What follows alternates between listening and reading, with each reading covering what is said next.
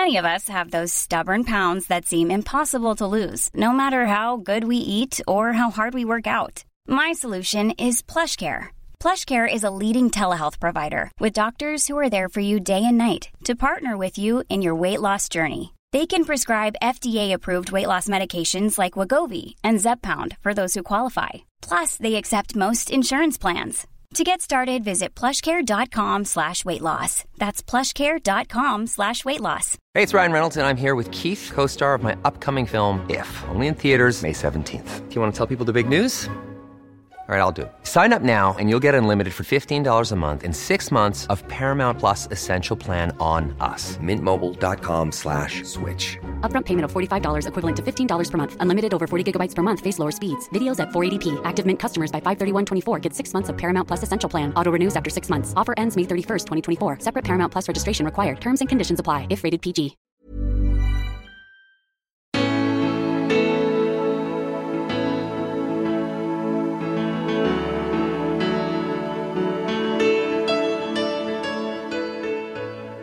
Så fanns det ett uppehållsrum. Som TV, det fanns en TV, sån här svartvit TV som funkade för att någon stod bakom och höll i antennen på den. Men det var ingen som orkade göra nästan för vi tränade ju som... Och om jag och vi skulle komma fram någonstans som var sämst i världen så går det inte att stå med mössan i hand. Utan du måste sticka fram hakan och utmana. Tränarskapet handlar ju om att vara säljare. Alltså sälj dina idéer och sälj vad du nu ska åstadkomma för något. Så. Den här nästan oklippta versionen av intervjun är till dig som är volleybollnörd eller som helt enkelt inte vill missa några detaljer i berättelsen. Välkommen till nästan två och en halv timme med Anders Kristiansson. Han är volleybollcoachen som lett Sverige till fem EM-slutspel. Med ett legendariskt silver i Globen för exakt 30 år sedan. Eh, två VM och ett OS-slutspel. Dessutom, och nu får du korrigera mig, 14 SM-guld med Lidingö och 12 med Sollentuna. Kan det stämma? Ja, fast tvärtom. Fast tvärtom, okej. Okay. Men många guld är det. Eh, och som klubblagstränare i, i Belgien, Italien, Grekland så har han vunnit mängder med mästerskap och kupper och ett antal gånger lett sina klubbar hela vägen till Champions League final, eller finaler. De senaste sex åren har han som första icke-japan lett ett lag i den japanska ligan. Inte bara lett utan också vunnit både ligan och kuppen. Och som inte det vore nog. 2017 blev han den första och enda svensken som är invald i volleybollens Hall of Fame. Anders Kristiansson, välkommen till podden Spännande möte. Ja, tack så mycket. Det var en lång presentation. Ja, jo, jag har kvar en notering eh, från, från mina första anteckningar. När jag började jobba med den här intervjun så står det så jag har skrivit exakt så här. Hur fasen presenterar man honom? Ja. det blir en lång lista.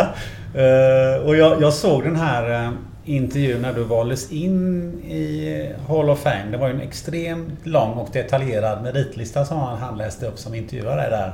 Och du, ja. du, du skruvar lite på det där. ja, man, när man reflekterar bakåt ibland undrar man ju hur det går till, hur, hur tiden har funnits liksom. Men, som sagt, jag hållit på länge också men de här SM-gulden som du pratade om till exempel i Sverige, de gjordes ju ofta dubbelt så... Ja, jag förstår, ja, jag förstår väl men man förundras över att man hade den driven. Jag tränade ju två elitlag samtidigt på varsin sida om Stockholms stad. Liksom. Ja, det kan man ju undra hur det gick till. Ja, man fick ha snabb bil eller man fick köra mindre lagligt kanske. Ja, jag förstår det. Vi ska komma in lite grann på det, men jag tänkte att vi måste ändå ta volleybollens Hall of Fame. Alltså hur kändes det att få reda på att nu är jag invald i det här? Det måste varit extremt stort. Ja, det var ju... För det första var det som en blixt från klar himmel. Det är inget som jag har gått och funderat på alltså undrar hur man kan bli det eller ja, sådär. Utan jag har bara noterat att ja, det är en massa prominent folk som är, ja det är de här vanliga som... Eh, de som har vunnit OS-guld ungefär. Och eh, så kom det här... Ja, jag fick en liten hint innan faktiskt av en, en kille som, som, var, eh, som, som vann OS-guld med Holland som sa att han behövde lite uppgifter och lite annat. Och, alltså, så, så det var något på gång sådär. Men sen när det kom och, och eh, jag fick det här meddelandet så var det, Ja, det var en väldig överraskning alltså. Det var, det var jag inte alls beredd på, men det är klart, man, man blir ju... Ja, man blir hedrad, man blir stolt och man tycker att det är fantastiskt kul att någon uppmärksammar någon från ett litet land som ju har mycket begränsade möjligheter att vinna någon OS-guld. Och jag tror faktiskt att jag var, eller fortfarande är, den enda coachen som inte har vunnit OS-guld. Jag tror att det var så. Det är ja, inte kan... så jättemånga coacher som är invalda där. Jag Nej. tror att det är, kan det vara, 18-20 stycken tror jag. Men var, var var du någonstans när du fick reda på det här? Jag var i Tylösand på beachen med, med Beach Travels, vårt företag. Aha. Och hur liksom... Hur, hur blev reaktionen? Så här, folk undrar vad fan står han här och skriker för? Nej, jag var faktiskt... Vi, vi hyr ett hus där nere i Tylösand. Så att jag var, vi var hemma i huset där. Så. Nej, det, nej, det tycker jag är lite för självförhärligande. Så det gjorde jag nog inte. Utan jag talade om det för, för de närmaste och sen... Sen tyckte ju de i, i i vårt företag att det här är stor grej, det här gör vi en intervju. Så då gjorde vi en intervju som vi la ut som gick på, på Instagram och Facebook och, och sådär. Eh, nu innan vi eh, börjar gräva oss ner i detaljerna här. Du är ju nyss hemflyttad från sex år i Japan. Ja, stämmer. Eh, och då, min fråga är så här, du ser ju extremt pigg ut. Hur, hur mår du? Ja, jag mår rätt bra. Jag försöker träna varje dag när jag är hemma här. I stort sett varje dag i alla fall. Om jag inte är på, på, iväg på uppdrag. Jag är väl ja. ingen sån där jättehurtig typ. Men jag, jag går på gymmet och sådär. Sen i och med att man har varit inom... Man har stått på golvet i Japan, då står man ju på, på golvet och tränar. Eller i hallen i alla fall, en 12-14 timmar om dagen. Så det, det, då håller man väl sig någorlunda fysiskt i form, så att säga. Man rör på sig, även om man inte springer och hoppar och spikar så mycket bollar. Men, eller inga alls. Men, men man rör på sig och sen är man bland ungt folk och sådär. Håller man sig ung? Ja, lite så tror jag. Ja. Du, eh, vi ska ju gräva massa spännande saker här. Men jag, måste ändå börja då eh, för faktiskt 70 år sedan. Var, var, föd, var föddes du någonstans och hur, var, var tillbringade du dina första år någonstans? Östgöte, gudskelov. jag är från Valdemarsvik i Östergötland som ligger fem mil söder om mm. Norrköping. Mm. Det är jag och Nisse Lidholm, du vet, som kommer därifrån. Ja, ja, det är... det är bra, bra. Han, bör, han börjar bli bortglömd nu, tror jag, i Sverige. Men, bra ja. och bra. Ja, men Italien är inte bortglömd? Nej, det är han inte. Och, eh, ja, Sverige är inte så bra på att komma ihåg så Nej. gamla hjältar. Det är, ju, är ja. väl allmänt känt. Ja. Eh, så han är nog mycket mer känd i Italien som du säger. Det tror jag nog. Och, vad gjorde morsan och farsan? Vad, bara ja, eh, mamma kommer från en eh, bondesläkt kan man säga. Ett ganska stor gård. Och pappa kommer från Skåne faktiskt. Men han, ja de träffades väl på något sätt och han flyttade till han flyttade till Valdemarsvik och han var ingenjör och drev en mekanisk verkstad där nere. Sen mm. Sen blev han någon slags verkställande direktör för Mekaniska verkstädernas riksförbund, hette det. Alltså små och mellanstora företag inom den branschen. Och därmed flyttade vi till Stockholm, eller, ja, eller, ja, han, eller vi flyttade till Stockholm, eller strax utanför, och bodde vi i Sollentuna 1958. Mm. Så att eh, åtta år var det i Valdemarsvik och sen var det? Ja, nio. Nio? Ja, nio år där, ja. Men ja. sen har vi ju jag har faktiskt den här bondgården kvar tillsammans med mina två syskon. Jaha, så du är delägare i bondgården men du ja. är inte där och brukar nej, marken jättemycket? Nej, inte där och plöjer och harvar så mycket. Nej, nej det är inte. Nej. Nej, det arrenderas ju ut. Det, det har gjorts även innan vi tog över. Så var det väl ingen som var riktigt intresserad av att driva det Nej. sista åren. Den, den sista ur släkten som, som var riktig bonde så att säga. Ja. Så, och han drev väl mest skogsbruk på de sista tio åren tror jag. Ja, okay. Så att, men det, ja, den har vi kvar. Eh, hur var det med idrottsintresset i familjen då? Ah, inget vidare tror jag. Eh, jag tror inte jag knappt hade sett en boll. Jag har inte lekt med bollar förrän jag flyttade till Stockholm. Eller Sollentuna då. Vad kom det sig? Lekte inte alla med bollar? Nej, inte, inte i Vika vet du. Nej, vad gjorde man där? Nej, slogs man mest och sådär. Byggde kojor i skogen och tog fångar och... Ja, sådana där grejer. Nej, alltså jag kan... Jag har tänkt på det någon gång. Nej, jag tror aldrig jag har någonting... Jag åkte källare, så här livsfarliga lekar och sånt. Så här, och, eh, det var mycket krig och, sådana grejer. Ja, just det. Var, ja, men sådana där bustricks och sådana där saker tror jag man höll på med.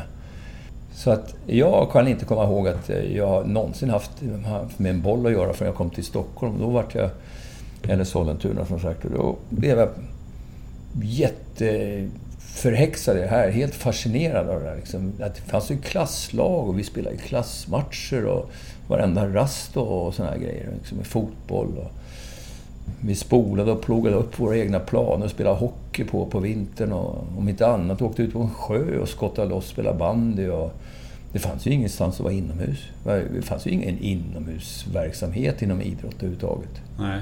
Så allting var ute. Det var ju fotboll på somrarna och så var det ja, hockey och bandy och sådär på vintern.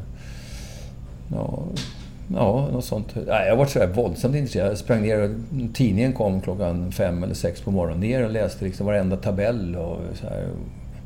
Men vad kom det sig att det slog, slog ah, alltså det slog, alltså, Plötsligt kom man in i en klass där man spelade fotboll och jag hade inte varit med om vad jag vet det där innan då. Och så... Alltså, jag vet inte hur många man var i, många grabbar man var i den här klassen, men det var ju lag och så fick man vara med där och så började man få för sig att man ville bli bättre och... Alltså, Var det någonstans? Så, drive så här, har jag nog alltid haft. Liksom, jäkla drive och, och liksom åstadkomma saker och ting. Och då... Det är svårt att... Jag kan ju inte säga hur jag tänkte då liksom. Det är, det är ett tag Nej, det är svårt. det är ett tag sedan, som sagt var. Men då började jag med det där och... Och... Um, jag vet jag var ju rätt kvick och sådär, men jag vet inte, det jag åstadkom... Jag, jag spelade ju hundra landskamper i volleyboll sådär en gång i sportens linda. Men jag var ingen bollbegåvning, absolut inte. Utan, men eh, ja, man kanske har någon viss fysisk begåvning kanske. Och, men hur var det i övrigt då? Vem var Anders Kristiansson i skolan? Ja, vi hade väl hyfsat, hyfsat lätt för mig. Så, här, så att, eh, men jag var ingen plugghäst så, men man såg väl till att man ja, var skaplig. Man var väl bland de bättre 20 procent eller något sånt där. Jag vet inte. Det var... Men var det liksom, satt du eh, längst bak eller var det liksom den som klev fram i klassrummet och eh, hade taktpinnen eller vad, liksom, vad var din roll där? Wow, jag var nog med liksom i de här gängen som, som bestämde saker men det det, det, det, blev ju mycket, alltså, det hade mycket med bollgängen att göra. Klart man var med och busade och så. Jag var inte något ljus sådär, men det var inte en odåga heller. Det, det var jag inte. Det kan jag inte säga att det var, men uppskattade ju säkert när man kunde bråka och busa och så. Men inte slåss och så, det har jag aldrig gjort. Men jag. Inget slagsmål. Det, det tror jag, jag tror inte jag har slagits på hela mitt liv. Vad jag kommer ihåg. Det är ju fantastiskt för att ja. jag minns ju min eh, barndom. Det var ju slagsmål jämt. I skolan. Sådär. Ja, det är bara det lilla jag kommer ihåg från, från då, innan vi flyttade till Sollentuna i Valdemarsvik. Att man skulle ta, men alltså slagsmål, man liksom tog fångar. Det kanske brottades på något vis. Men att slå någon direkt, så det, det tror jag inte... Jag kan inte komma ihåg att jag, mm. att jag har gjort det någon Men var du lite den här tidiga ledartypen? Klev fram i samband med idrotterna då? Ja, ja allra i början då, då var man inte där för då var jag var inte tillräckligt bra. Men jag var ju med och organiserade så att det fanns något i Stockholm var en jättestor grej som hette Sankt Erikscupen. Det var ju 10 000 lag som var med eller något sånt där. Jag, jag, nu kanske jag drog till för mycket men alla var liksom, hela Stockholm var ju med och då var det kvarterslag upp till AIK, Djurgården och och allt sånt här i, i både fotboll och hockey. Och då fick man ju liksom Stockholmstidningen då, eller Expressen var det tror jag som var inne i det där först då. Eller var Jo, Expressen var Alltså då fick man ju läsa resultat, sina egna resultat där och vem man skulle spela mot. Liksom, lottningen, man ska säga, det framkom ju där. Och vi fick ju samla ihop och ordna vår egen utrustning och i hockey är ju inte helt lätt liksom, att få, få till allting som, som ska fixas där. Den har ju saligen avsomnat sedan länge, men det, det var ju någonting... Det var ett begrepp som alla visste vad det var. Mm. Så då stack man iväg och lirade i veckorna och tog sig fram med lokaltrafiken så gott det gick. Eller hade föräldrar som var med och skjutsade och gjorde sådana där grejer. Så då var det väl jag och en kompis, kommer jag ihåg, vi var med åren ett, Vi hade ett gäng där i kvarteret, eller kvarter, ja, ungefär området där vi bodde, som vi ordnade fram vårat lag. Och så fanns det väl ett gäng till som ordnade ett annat lag. Och sen några år senare, då kom man ju med in i det här um, föreningslivet som fanns då. Sollentuna är en väldigt stor kommun, liksom geografiskt väldigt stort, långdraget. Så det finns ju flera olika centrum, så det fanns ju olika olika föreningar där. Ja. Alltså, de som är kända inom andra som idrott, Turebergs IF och Rotebro och Norrviken, Helenelund, de var ju bandy, de var ju uppe i Allsvenskan till och med tror jag något år. Men volleyboll då? Alltså, ja, det, det, var ju inte, det fanns ju inte. Nej, det fanns, det fanns inte. ju faktiskt Nej. inte. Och, och, hur, hur i hela världen kom du i kontakt med det? Ja, det var sinkadus i stort sett. Ja, det hade också med att göra med att Turebergs IF Friidrott som var omhuldad, som var ju... Det var ju korrumperat redan då, samhället. Så att det fanns ju några i kommunstyrelsen som var med i Turebergs IF. Och Turebergs IF var ju friidrottare. Och det var jobbigt för dem på vintern att bara pulsa i snön. Och då hade någon uppfunnit något som hette Barracudahallar. Det var så uppblåsbara tält, så här gummiaktiga. Alltså, så det vart som en hangar liksom. Just det, jag känner igen det. För att det, där har jag också tagit mina första ja. volleybollar. Ja, jag tror det är ett varumärke. Det hette väl men, men det blev, alla visste vad Barracuda-tält var då. Som ja. blåste in varmluft så det här tältet steg så, så det var ganska varmt där inne. Och då hade de ju anlagt sådana här mm, asfaltbanor, tartanbanor liknande grejer. Jag vet inte om det hette tartan på den tiden redan, mm. men något sånt. Och, så fanns det ju en hoppgrupp och möjligtvis stavhoppsgrupp och så här. Det var gjort för, för friidrott. Men där på mittplan hade man ju målat in lite annat, så hade man målat in en, en volleybollbana där. Och sen fanns det en, en estnisk förening, de hette, eller estnisk, det var ester, alltså svensk-ester som hade då kommit hit under kriget.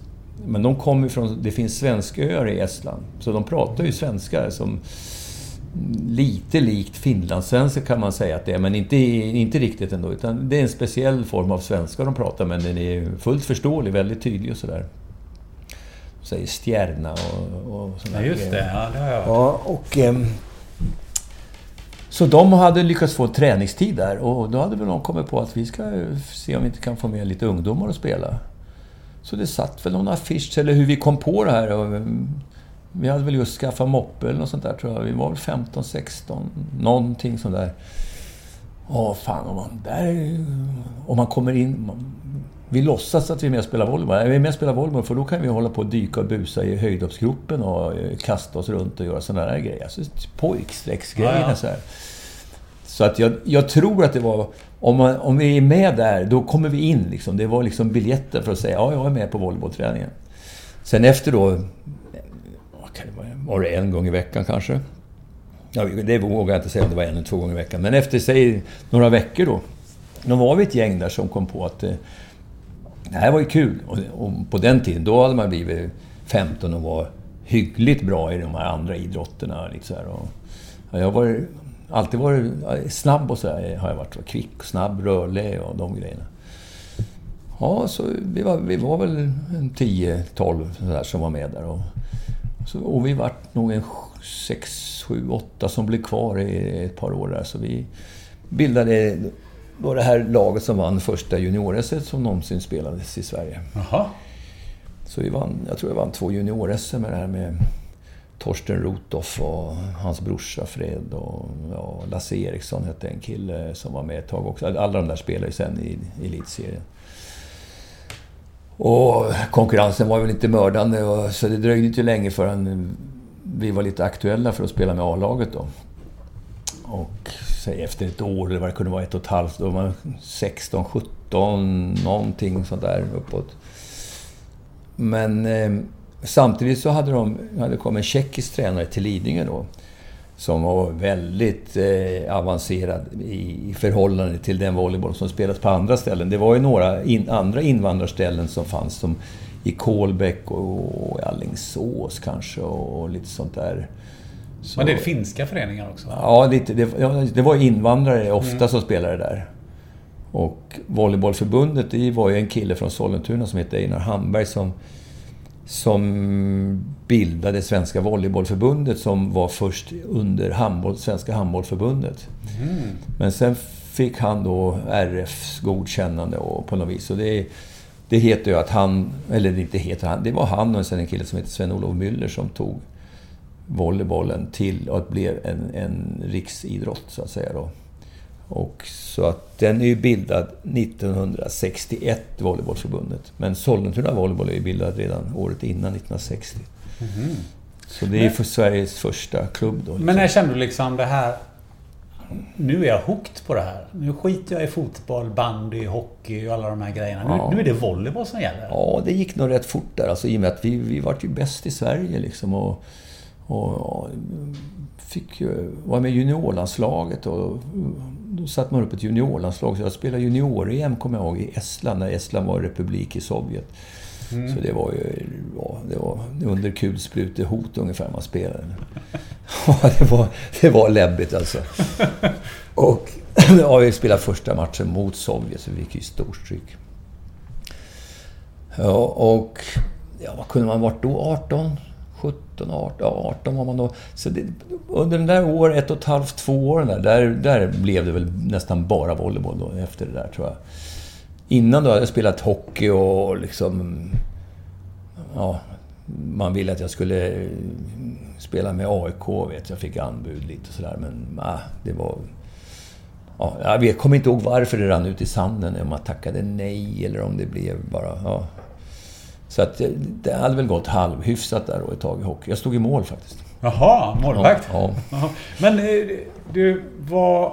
Kan du dra dig till minnes, vad var det i volleybollen, och det kanske du även kan, kan säga nu, vad var det i volleybollen som liksom gjorde att du fastnade på den kroken?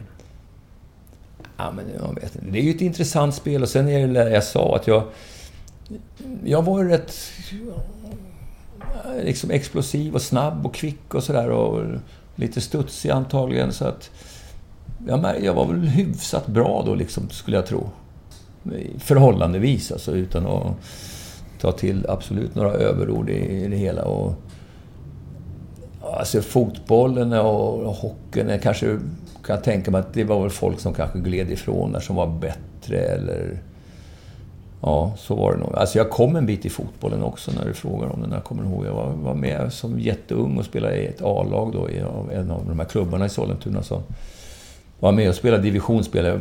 Fråga mig inte hur högt de var. Division 4, division 5 kanske. Och så var jag med på så här träningsläger och grejer. Och, men de andra var mycket äldre. Jag kommer ihåg, jag hade en back som hette Mördaren. Det, det, säger lite om spelstilen. Ja, verkligen.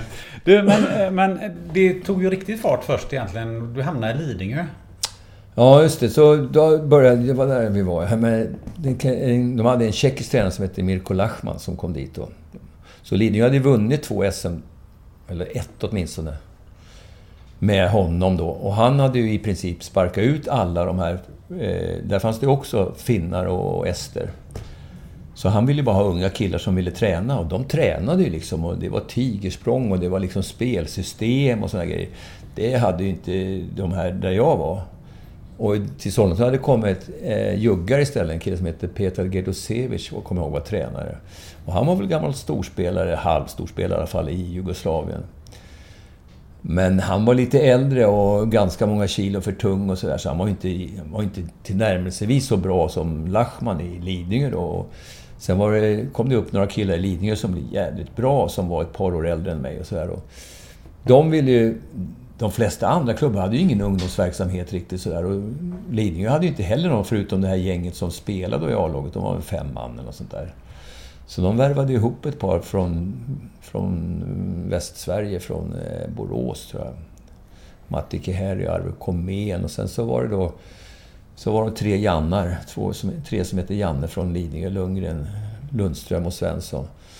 Och så var det Lachman, det var de liksom. Och så behövdes det någon mer. Och, och då var de ju på alla de här i Sollentuna att vi fick väl komma dit åtminstone tre, fyra av oss som vi ville. Och jag var den enda som vågade ta steget, för jag, kom i, jag tyckte det där var ju häftigt. Och så var man där och tränade. Det var ju något helt annat än det jag hade gjort hittills. Alltså det är jättemycket saker som, som hände. Det var körde kortis och kombinationer och sånt där. Det gjorde inte de andra. Det var ju liksom fram med bollen och sen den som stod i mitten snudd på att passa bollen. Det var inte så mycket mer än så. så att... Eh, ja, det blev ju riktigt ögonöppnare. Så att... Eh, och då hade jag väl hunnit bli... Jag gick till Lidingö sista året jag gick gymnasiet. var jag ändå 18. Mm. Någonstans. Så då gjorde jag... Ja, och så var, vet jag var någon mer kille med då från Sollentuna, men de bangade så de blev kvar och spelade i Sollentuna. Och Sollentuna under tiden, de, precis de här åren som kom, genomgick ju då också stor ja, generationsväxling. Alltså det blev ung, yngre killar som spelade mm. och sånt där. Det, det, det, var liksom... Det var movement på gång då, lite överallt i, i, i många klubbar. Det var i Bromma och det var Alingsås och det... Ja, vad det nu fanns för någonstans eh, de spelade. Och sen blev det då Lidingö och Lidingö hade du snackat vunnit några SM-guld och sen... Eh, ja, med ett eller två och sånt där. Ja, ja så, sen fortsatte det? Ja, så fortsatte jag. Men, där då. Men jag var väl bara ett år. Så jag var väl bara med och vann första SM med Lidingö i den här konstellationen. Och sen året efter så var det två killar i det här laget. Jag ska inte säga vilka. För några är halvt med tror jag fortfarande, eller alla vet om det eh, som fick för sig att, eh, att Mirko, det var ingen trevlig typ. Eh, han var ganska speciellt och han blev, han blev landslagstränare också. Det var, det var mycket liv om det där för att han hade för mycket playboy-kille vad folk fick för sig och sådär. Han gick väl på diskotek och något sånt där. Ja, det gick ju inte för sig tyckte några. Så där skulle det inte vara. Lite puritanskt sådär. Men eh, så var det några killar som inte tyckte att han var tillräckligt seriös eller att, eh, ja, vad det nu var. Det var alltså fel på personen, inte på fel på kunskaper på träningen kanske eller så. Möjligtvis pedagogiken eller så. Så att eh, de skrev ett brev till styrelsen och sa vi spelar inte om han är där. Och då valde styrelsen i, att eh, gå på den linjen och från en dag till en annan så var han icke önskvärd eller sådär. Eller han, de sa väl till honom något och då tyckte han hej då. Sen såg man inte röken av honom. Jag tror han blev tennistränare på Mallorca. Okej. Okay. ja, han var duktig att spela tennis. Han var jätteduktig på allting. Alltså, han kunde göra höga hopp och så här, göra grejer och sådär. Hur löste man det då? Ja, då blev lösningen jag. ja, det var så du halkade in på ja. tränarbanan? Nej, men då hade jag redan innan satt igång, satt igång tjejerna i Sollentuna. Det började med skollag. Och sen har jag tränat dem i kanske två år eller sånt där kanske. Och jag tränade ju dem fortfarande medan jag då spelade första året i Lidingö. Så tränade jag Sollentunas tjejer. De spelade väl... Vet inte, vi hade väl kommit upp i näst, näst högsta serien. På den tiden fanns det ju många serier vet, som man måste igenom. Så vi hade ju kravlat upp oss på tre år, gått rakt igenom seriesystemet. Och sen året efter, och då var vi i elitserien motsvarande. Och då tränade du plötsligt två? Då var jag plötsligt tränare för två lag. Och Ja, det var ju samma tider. Om jag spelade eller om jag var tränare för Lidingö, det var ju samma träningstid så att säga. Ja. Så, ja. Och då blev det åka igenom Liljanskogen i högsta fart liksom. så ena laget fick man ju ordna så att ena laget tränade klockan sex och andra klockan åtta. Och så fick man ordna så att de som var åtta hade uppvärmningsprogram så det var klart vad de skulle göra och sådär. Men någonstans måste du hitta den här, hittat den här eh, drivkraften så att ja, men det här vill jag fortsätta utveckla. Ja, men det var... Alltså det, det där hände nog väldigt mycket då när man var runt 18. Alltså sista året i gymnasiet så där, det var, då var det nog allt. Det var bara volleyboll tror jag. Liksom. Spela själv, träna tjejerna där och, och eh, ja, sen att kunna komma med i Lidingö och ja, juniorlandslag. Alltså alla de där grejerna hände nog ungefär på, på samma gång där. Så... Ehm, ja, så gjorde jag det några år. Och, ja, efter två år i högsta serien, något sånt, kanske tre, så vann vi då med Sollentuna för första gången. Och sen vann vi varje år som jag var där i 14 år. Det är ju en så fantastisk svit. Så jag var där kanske i 19 då. Men alltså från att vi vann så vann vi 14 år i rad. Så alla var ju skitförbannade på oss. Och likadant i Lidingö. Alltså Lidingö vann ju, jag var med där 12 år i rad. Och jag tror Lidingö har vunnit då kanske 14 år i rad också, men jag gjorde 12 då. Och det var, det var inte heller populär. Du kan ju tänka dig, till slut, inte i början, men sen efter några år, efter 5-6 år. Då, då står man ju där som representant för båda de här två lagen. Alltså, det är klart att alla hittar ju alla möjliga fel på en då. Alltså, det var ju, svensk avundsjukan är inte att leka med.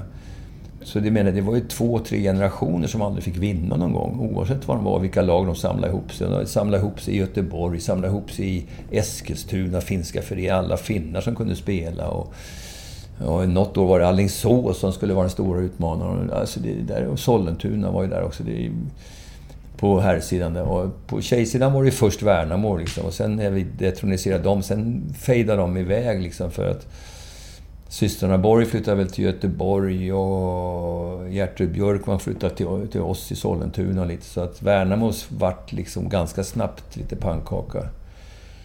Ja, och sen blev det andra som skulle upp och nicka mot oss då med G70 från Göteborg och allt sådär. Men ja, det var ju aldrig någon som lyckades. Så att Varför stod, lyckades de inte? För att vi var bättre. Ja, jo, jo. Det, det är den enkla förklaringen. Ja, men alltså...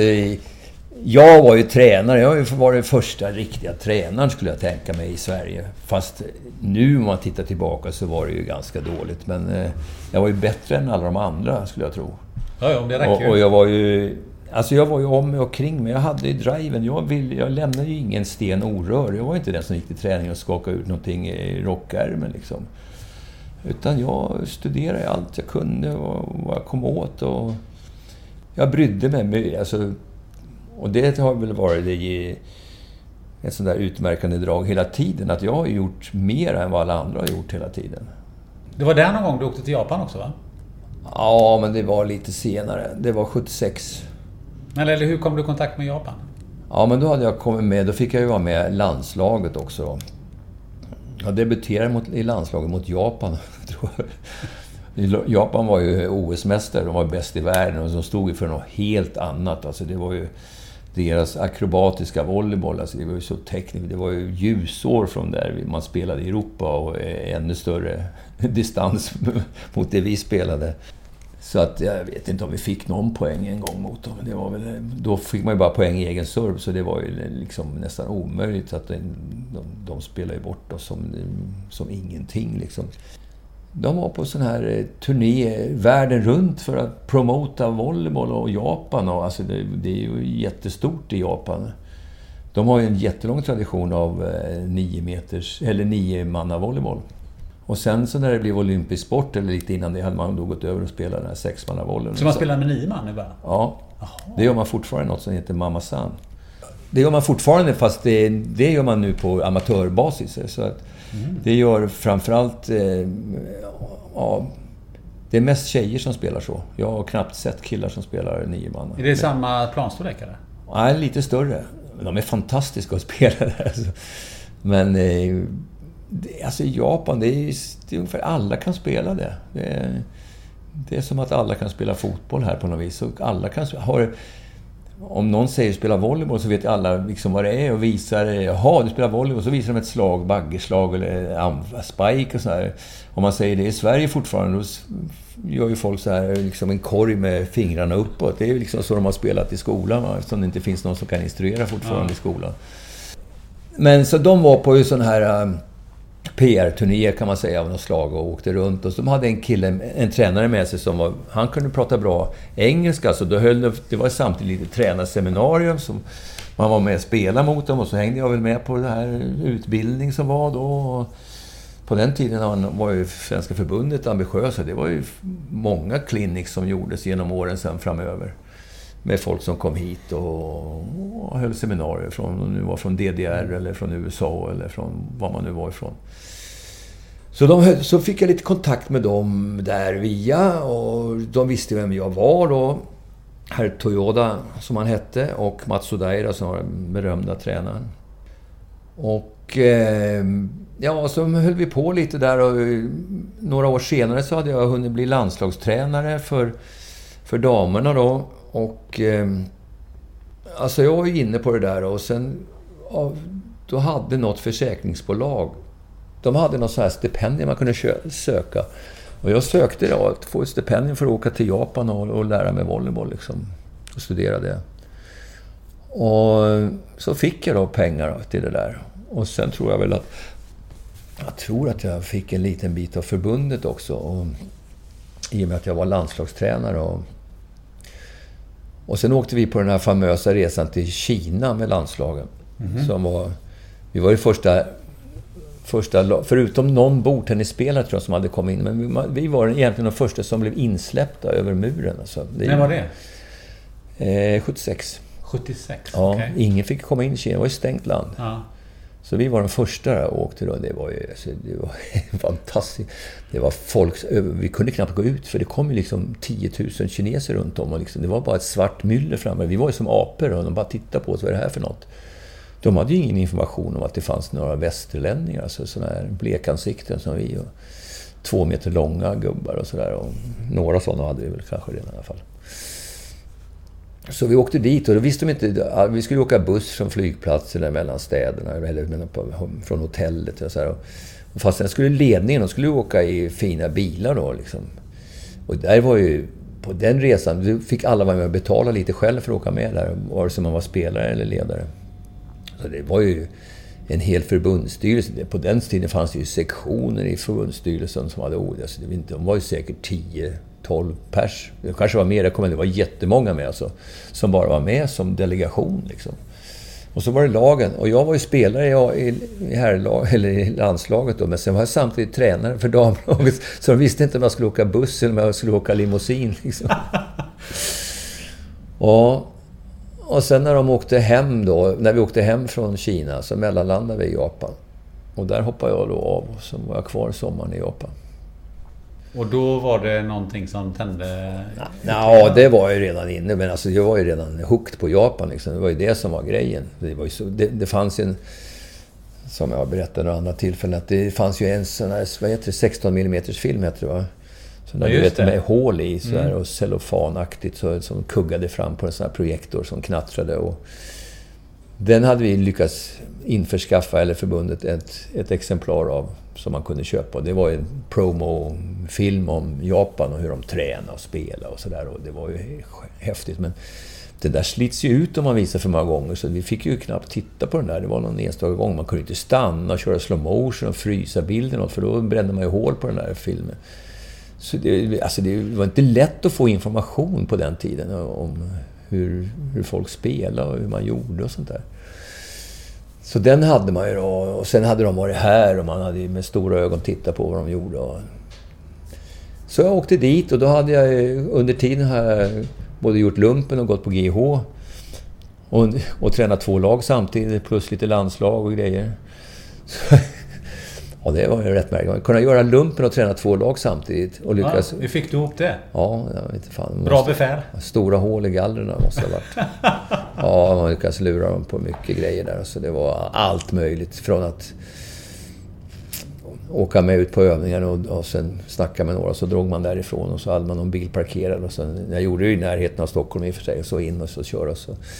Och någon annan gång så begärde man att få ledigt och en tredje gång så eh, hade man tandvärk och var tvungen att gå till tandläkaren på regementet. Och under tiden han, han gänget dra ut med kanoner och grejer och då är det för sent att åka ifatt dem och då kunde man kanske kila iväg senare på kvällen och åka hem och träna. Och, nej, jag missade inte många träningar tror jag. Nej, bra gjort. och sen var GH, det var, det var ungefär samma sak. Ah. Och så att då hade jag ju lite referens. Man går GH så får man både pedagogisk och fysiologisk utbildning. Mm. Jag läser anatomi och sådär. Och ja, metod, metod, metodik. I, alltså då har man en, en, en, idé om hur man ska lära ut kanske. Eller någon form alltså, av det i alla fall. Och, och idrott i allmänhet. Och, sådär. Så man hade lite mer referensramen när man kom dit och tittade med kanske i alla fall i någon mån kritiska ögon på vad de gjorde. Men jag var ju med, jag låg på golven med de olika lag där och, och anpassade mig efter förhållanden som var och tittade på när de tränade stenhårt och jättemycket bra grejer men också helt dumma grejer tyckte jag. Vad tog du med dig därifrån? Ja, jag tog, tog, med mig mycket teknik och jag har ju formulerat det i sådana här one-liner ungefär. Att, eh, jag kom tillbaka och sen hade bestämt mig att jag skulle göra eh, svenska stora killar lika bra som japanska tjejer. Tekniskt, så att säga. Mm. För jag fick för mig att Det var min uppfattning på den tiden. Att det var tjejerna som hade tekniken. De var fruktansvärt bra. Tjejerna hade ju under tiden blivit bättre än vad killarna var, så att säga, rent resultatmässigt i Japan. Så herrarna hade på de här fyra åren tappat lite grann, medan tjejerna hade gått snarare åt andra hållet och var bäst i världen. Så jag var ju ganska... Och eftersom jag tränade både killar och tjejer så var jag lite mer... Eh, lutade kanske lite mer om att titta på vad de gjorde för bra grejer. Men då formade jag den här devisen som att jag ska eh, göra tvåmeterskillar. Eh, starka tvåmeterskillar lika textiga som japanska tjejer. För det var någonstans där och då, jag säga 1981 är vi framme nu tror jag. Där någonstans eh, eh, du gjorde den här berömda samlingen utav ett antal 16-17-åringar. Ja, det var elitserie. Men alltså, ja. det var ju så att när de, när de andra åkte hem då när jag stannade i Japan. Ja. Då sparkade de tränaren på planet hem, hela den här delegationen som var med, hela styrelsen och de andra. Aha. För att den här tränaren, han böt in sig själv. Alltså på här, i herrlandslaget? Ja, när vi spelade i Aha. Kina i sådana här jättehallar. Där sådana här kommunistgubbar satt och drack te och var förnäma på, ihop med svenska delegationen på läktaren med sådana här tekoppar med lock på och grejer. Vet, så Och det skulle de ju inte tåla. Det, I och med att vi förlorade också, självklart. Så, ja, så att, nej, det där gick ju inte. Vad var det där för fasoner? Och, alltså, han bjöd in, han skulle passa då. Han vevade ju andra boll i nät det första han gjorde. Och så det, var ju skandalöst ungefär. Tyckte de. Så när jag kom hem från Japan, då sa de då att nu är du landslagstränare istället. Okej. Okay. Så jag gjorde den här sessionen 76, för, ja, vi kanske inte hade någon mer matcher, säg 77 till 79 tror jag. Då hade jag det här laget. Då tränade jag mest landslaget. Det var ju mest mina egna kompisar från Lidingö som var lika gamla eller två år äldre än mig. Och så lite Mats Ekman och Ingmar Larsson och de här hade kommit fram, de här lite profilgubbarna. Då.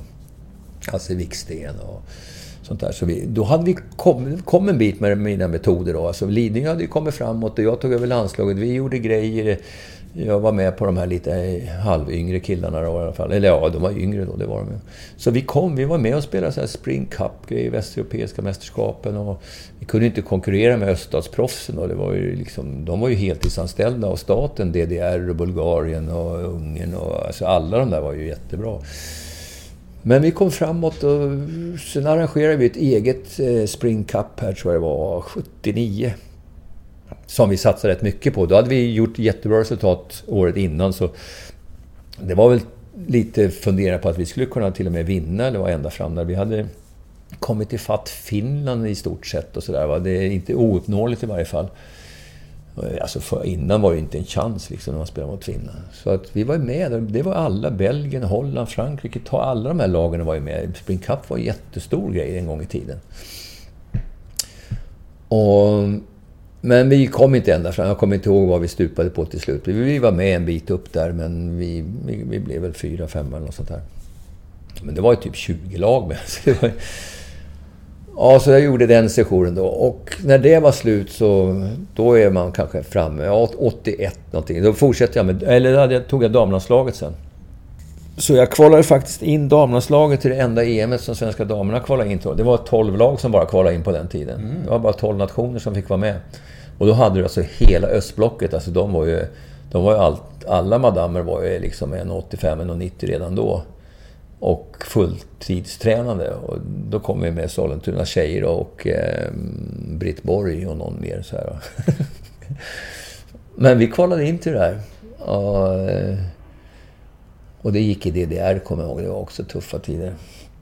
Det är faktiskt en prestation. Det är, och sen idag är det 24 lag och inte kvala in på 24 lag. Och det är ju skandalöst. Alltså, Sverige har ju helt andra förutsättningar än vad vi hade då. Men vi tränade alltså med de metoderna och det jag känner till så vi kom en bra bit då också. Som sagt, så långt så att vi till och med kollade in då 81.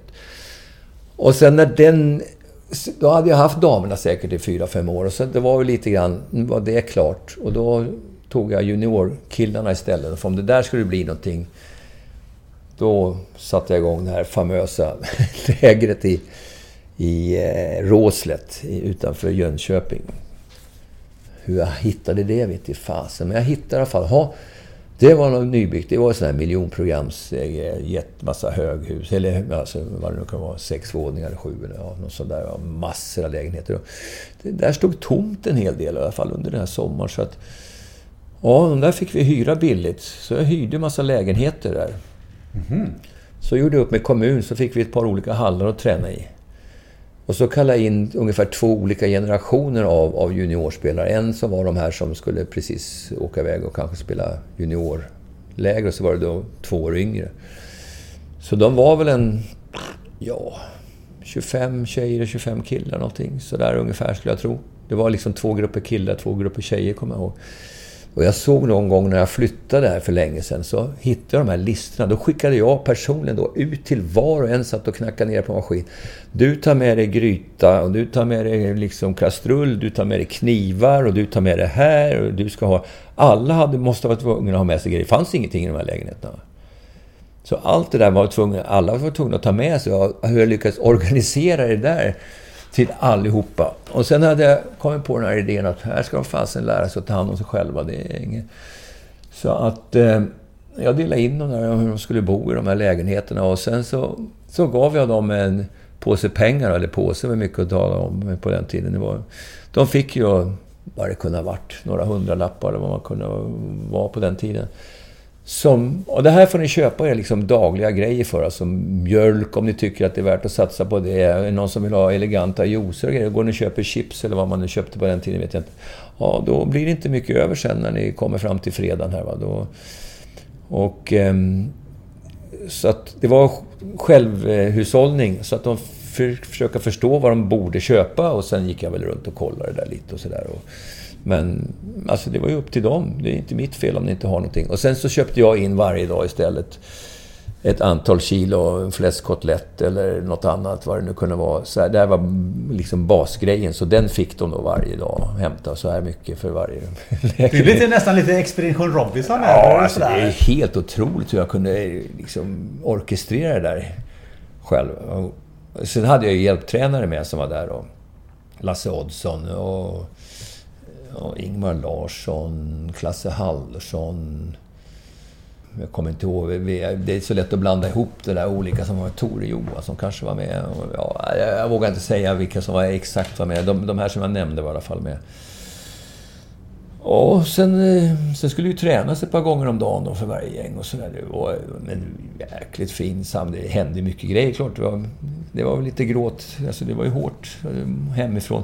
Och sen hade jag ju varit, jag hade ju varit med själv på så här, hette morgondagar, läger och sånt där. Sen, äh, fasen, folk fick ju bara träningsverk. De var ju inte beredda på sånt där. Och sen var jag inspirerad av Japan säkert och sa det där kan man inte göra. Man kan inte lära folk att spela volleyboll på en vecka eller bli så mycket bättre. Utan, så jag, mitt läger var ju sex veckor. Oj! Ja. Det måste ha varit första gången? Ja, det var ju sensation. Det fanns ingen i hela Europa som gjorde så liksom. Eller det tror jag inte i alla fall. För, alltså förut så var det ju veckoslut, eller max var morgondagar. Det fanns något som hette morgondagarläger. Det var något berömt som folk blev uttagna till. Det tror jag var på fem dagar eller en vecka. Mm, det har jag till och med själv varit med på. Ja, det ser du. Ja. Men nu blev det andra bullar. Ja. Så nu blev det sex veckor tror jag det var. Man fick väl ledigt över midsommar och sen så fick man komma igen och göra två veckor till eller vad det nu var. Så. Men detta var inspirerat från Japan? Att, ja, att ha ett så långt läge? För liksom... det, det, skulle jag tro, men det, vet, alltså, det går inte att översätta det. Men man, får ju, man inser att... Jag fattar väl att om, om någon ska bli bra så måste man träna. Det är grundgrejen. Det är fortfarande... Det blir inte bra för att det finns ingen så quick fix. Att det, någon säger bara något så blir man jättebra. Det spelar ingen roll när det är inomhus på beachen. Man blir inte beach jättebra på en vecka. Man blir lite bättre kanske. Va? Speciellt om du får en grej som du kan hålla i och fortsätta träna på. Men, eller spelar du tennis så liksom bara för att du spelar 30 minuter och får in några bra forehandslag så måste du ju köra det här varje dag i 30 minuter. Eller 1.30 eller vad det nu kan vara. Man, det går ju åt mycket träning liksom, om det ska bli bra. Men vad hände sen efter det här eh, lägret? Började du koncentrera dig på killarna bara då? Ja, men då, tog jag, då hade jag ju liksom bestämt att jag skulle ta jag tror i den vevan så blev jag anställd förbundskapten. Men förbundskapten i Sverige då, det var ha hand om det liksom. så jag hade ju liksom... Jag hade både damer och herrar, juniorer och allting. Alltså, då in, mellan 79 och 81, då hade jag, nu kommer jag ihåg hur det var, då var jag fortfarande chef för båda, men då lejde jag ut det. Så mellan 79 och 81 så var Ingmar Larsson exekutiv på killarna. Och då var jag mest på tjejerna om det kolliderade. Och på landslaget kunde man inte göra som hemma i klubbarna. Mm. liksom, den ena är sex och den andra klockan åtta. Utan det var ofta samtidigt som det var turnering. Så var man tvungen att dela på det lite. Så det, det, hade ju slutat den här generationen ungefär 79, 79 då med Janne Lundgren och Hasse Wiksten och liksom det här gänget. Så några var ju kvar fortfarande som var bra. Och, så då, då hade han dem och jag hade tjejerna ytterligare något par år. Där. Och sen så tog jag juniorerna och, och um, då kollade vi in med juniorerna till EM för första gången också. Någon har kollat in och det har de inte gjort sen. Jo, en gång sen med samma efter. Med Lasse Oddson och... Men eh, då kollade vi in 81, så vi var med 82 på EM. Och det gänget, i det gänget var ju då... Det var 63-erna. Alltså födda 63. Så det var Bengan och Lasse Nilsson. Och han var 65 i och för sig, men Janne Hedengård och Ja, etc. den generationen. Ja, alla de. Det var det gänget som var med. De var ju med på Råslätt. De var ju med på det här långa lägret. Och de, var ju, alltså de fick lära sig att träna från början. Och så var vi och kvalade in till junior-EM och sen så... Uh, var 82, tror jag. Och sen på hösten så, så tog jag över herrarna då. Och det kunde jag väl bestämma själv ungefär när jag gjorde Rena Alma, om jag kommer ihåg rätt. Så då tog jag herrarna och då hade jag bestämt mig för att nu skulle jag in med de här nya. Så jag rensade ut det som hade varit innan i stort sett. Inte på, för att vara taskig men alltså jag förstod att ska vi komma vidare så... Jag hade ju liksom rekryterat det här med med insikt. Jag hade ju liksom lärt mig mycket på den här resan. Så jag hade ju rekryterat långa spelare. Jag hade tagit in Håkan Björn och sådana som knappt kunde spela volleyboll alltså när de kom till Trell. Det var inte att de var bra när de kom, utan man fick ju lära dem att efter höger fot så sätter man fram vänster ungefär. Det var inte, det var inte obvious liksom. Jag vet att du gjorde det där berömda uttalandet en gång där att det är när någon sa så här varför har, varför har du de här långa? De kan ju inte spela volleyboll. Då tror jag att du sa så här att eh, ja, men det är betydligt mycket lättare att eh, eh, lära eh, långa spelare att böja benen än att lära korta spelare att växa. Ja, något sånt tror jag att jag har sagt. Ja. jag tycker det är sån där uttalande ja. som har följt Ja, men alltså jag, jag förstod det att de... Om, det var ju samma som jag sa innan att om man kunde lära de här långa spelarna teknik och bli bra, eller alltså koordination eller vad du vill, så kommer det ge resultat. Och så att jag satsade väldigt tidigt på... Alltså jag har varit inne på teknik långt innan jag fattade hur man skulle göra. Alltså jag trodde jag visste, eller hade inriktning, men jag har alltid varit teknikfixerad. Och sen när jag gick i och fick lära mig lite biomekanik och sådär. Jag gick på biomekanikkurser och hade anatomi i botten. Alltså så man förstår hur kroppen fungerar. Och det är än idag så gnäller jag ju alltid på att tränarna är ju inte utbildade. De kan ju inte fysiologi, de kan inte anatomi, de kan inte biomekanik. Du behöver inte vara professor i det, men du måste ju förstå mekanismerna. Annars vet du inte vad du pratar om när du ska göra... När du ska förklara en teknik. Varför är det här bra? Om man inte kan någon fysik, om man inte kan någon biomekanik, då står du ju bara och famlar. Det är ju bara, det är bara snömos. Och de flesta kan ju inte det. Det är knappast någon. Alltså, jag, jag träffar på jättefå. Och därför tror jag att det här är en underutvecklad profession. Alltså du alltså, pratar det, om sport i allmänhet? Ja, i allmänhet. Men det, alltså, i volleyboll, det som jag ser hela tiden, man märker ju ifall man lär sig. Och så kommer spelare som man frågar, ja men vad, har, vad, vad sa de där och vad sa han till dig, den här tränaren? Och, Nej, ingenting. Eller också liksom en jättegalen förklaring eller något sånt där. Och ofta är det så här, jag skulle göra så här, varför? Nej, det vet jag inte. Det var ingen som frågade varför.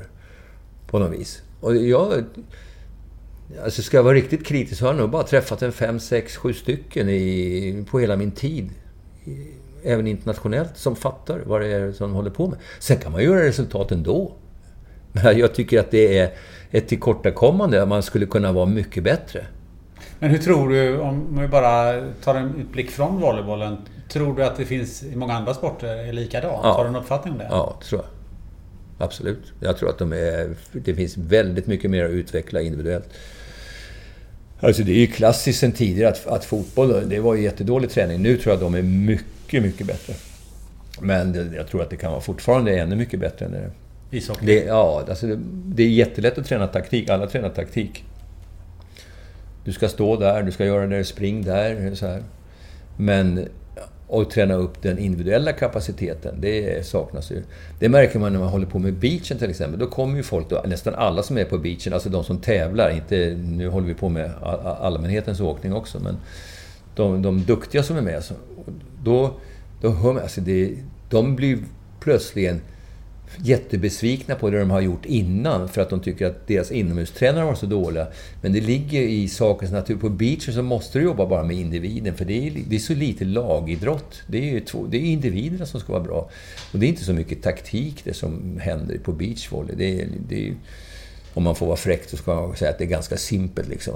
Alltså, till slut blir det någon som Alltså det, det individuella, det, vad som händer, de val du gör och sånt, det är fortfarande väldigt viktigt. Men men det är inte det, är inte det här schackspelet som det blir i, i, som i inomhusvolleyboll eller som det säkert är i fotboll och ishockey där du kan ta ut spelare genom att göra olika saker. Eller, um, så att... Um, Men det, jag tror att det är väldigt mycket att göra på att göra individen bättre. Det är svaret på, på din fråga. Absolut finns det väldigt mycket att göra.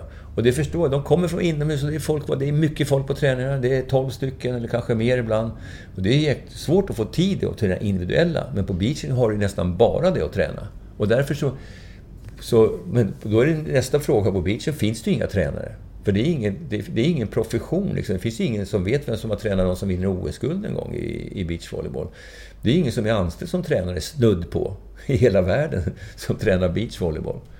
Du är tillbaka det här gänget då som du, eh, som du hade börjat med här nu. Någonstans så fick du dem att tro på att de skulle försätta berg och slå de här lagen som ni aldrig hade varit i närheten av. Hur, hur, eh, hur gick tänket där? Eller hur kom du på det här att det här ska vi göra? Eller när förstod du att det här skulle vi kunna göra? Ja, jag tror jag alltid varit bara väl, alltså, stora krav men ganska låga målsättningar. Eh, jag har inte blickat så himla långt fram, tror jag, mer än liksom typ nästa år eller vad vi har. Alltså det, på den tiden, alltså försök att komma med på EM, hur skulle det kunna gå till? Det hade ju ett svenskt lag aldrig varit. Att kvalificera, jag tror att svenskt lag var med 1967 faktiskt, men det var inga kval då, utan man kunde bara åka. Men eh, bortsett från det då, så Ja, alltså det här junior-EM tror jag var en, var en katalysator. Då, eller innan det redan förstod jag att det här gänget, så här spelar man volleyboll. Och de där fattar inte det. De här andra, de är dåliga på det och vi är bra på det här. Så här ska man göra.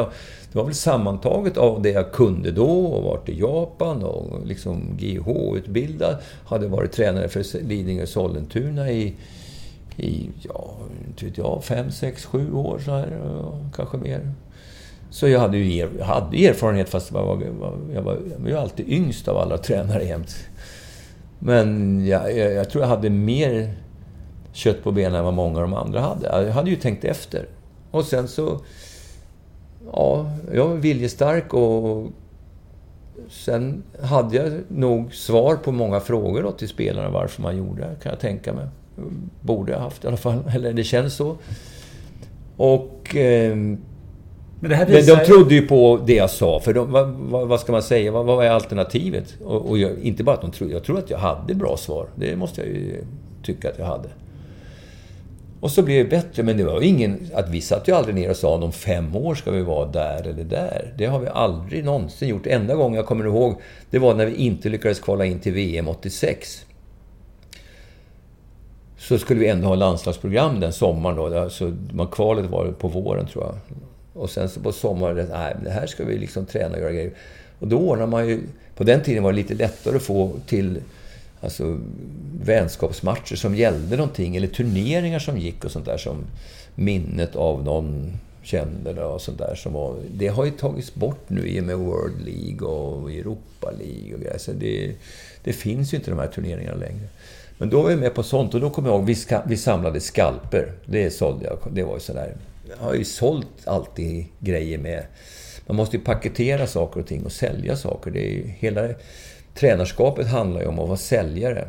Alltså sälj dina idéer och sälj vad du nu ska åstadkomma för något. Så om man inte kan få folk att köpa det du vill att de ska göra. Att, så att de verkligen tror på verkligen med sig själva. Så, det här är ju enda vägen ungefär. Så det måste vara så lite halvreligiös upplevelse liksom. That's the way. Då kör man ju fullt ut för att det är det här som gäller. Här är någon som hjälper mig att göra det bästa vi kan komma på att göra och då... Du var en bra säljare helt enkelt? Ja, det tror jag. Och sen måste du ha, alltså... Ni hade ju väldigt små medel. Ja, men då var vi, på... men när vi gjorde, ja, vi hade små medel. Det var ju också, det gjorde jag en devis av att... Göra mera mindre hette det. Långt mm. innan Morris Less var allmängods. Mm. Men hur gick det göra, till? Göra mera mindre. Ja, men det var ju det här som... Alltså, vi har inte råd med massa extravaganser. Vi har inte råd att ligga på något hotell. Utan vi, vi vill åka och spela, vi vill träna. Vi var på Åsens gård. Och låg då på de här madrasserna, fem centimeter tjocka eller vad det kunde vara, med en halv meters mellanrum. Det, det tog upp hela vinden på Åsens gård. Där låg det 14 man. I Vingåker? Ja, alltså bredvid, på golvet bara. Det fanns ingen annan plats. Det fanns ingen, ingenstans att sitta på. Det var bara madrassen på golvet. Så fanns det ett uppehållsrum. Som TV, det fanns en TV, sån här svartvit TV som funkade för någon stod bakom och höll i antennen på den. Men det var ingen som orkade göra nästan, för vi tränade ju som galningar. Liksom, så var vi bara ligga ner och vila ungefär. Och sen, och sen käkade vi på mjölkbaren där i Vingåker. Hade ordnat så vi, vi fick mat liksom. Men... Eh, nej, det var bara träning som gällde. Och där var det, fanns inget annat än det som jag visste var bäst. Så skulle det göras till det var bra liksom. Det, var, det vart ju efter ett tag lite sån här intern joke över det hela om, om vi skulle vara med i Guinness rekordbok ungefär. Så det fanns nog ingen som körde så långa träningar som vi gjorde. Hur långa var de? Nej, det vet jag inte. Det varierar med vem du pratar med. Det var någon som kom med någon siffra någon gång till mig och sa att nej, det där tror jag är en skröna. Så, så där mycket höll vi inte på. Det var någon som sa att vi körde nästan fyra timmar eller vad det var. Och så där, vet inte.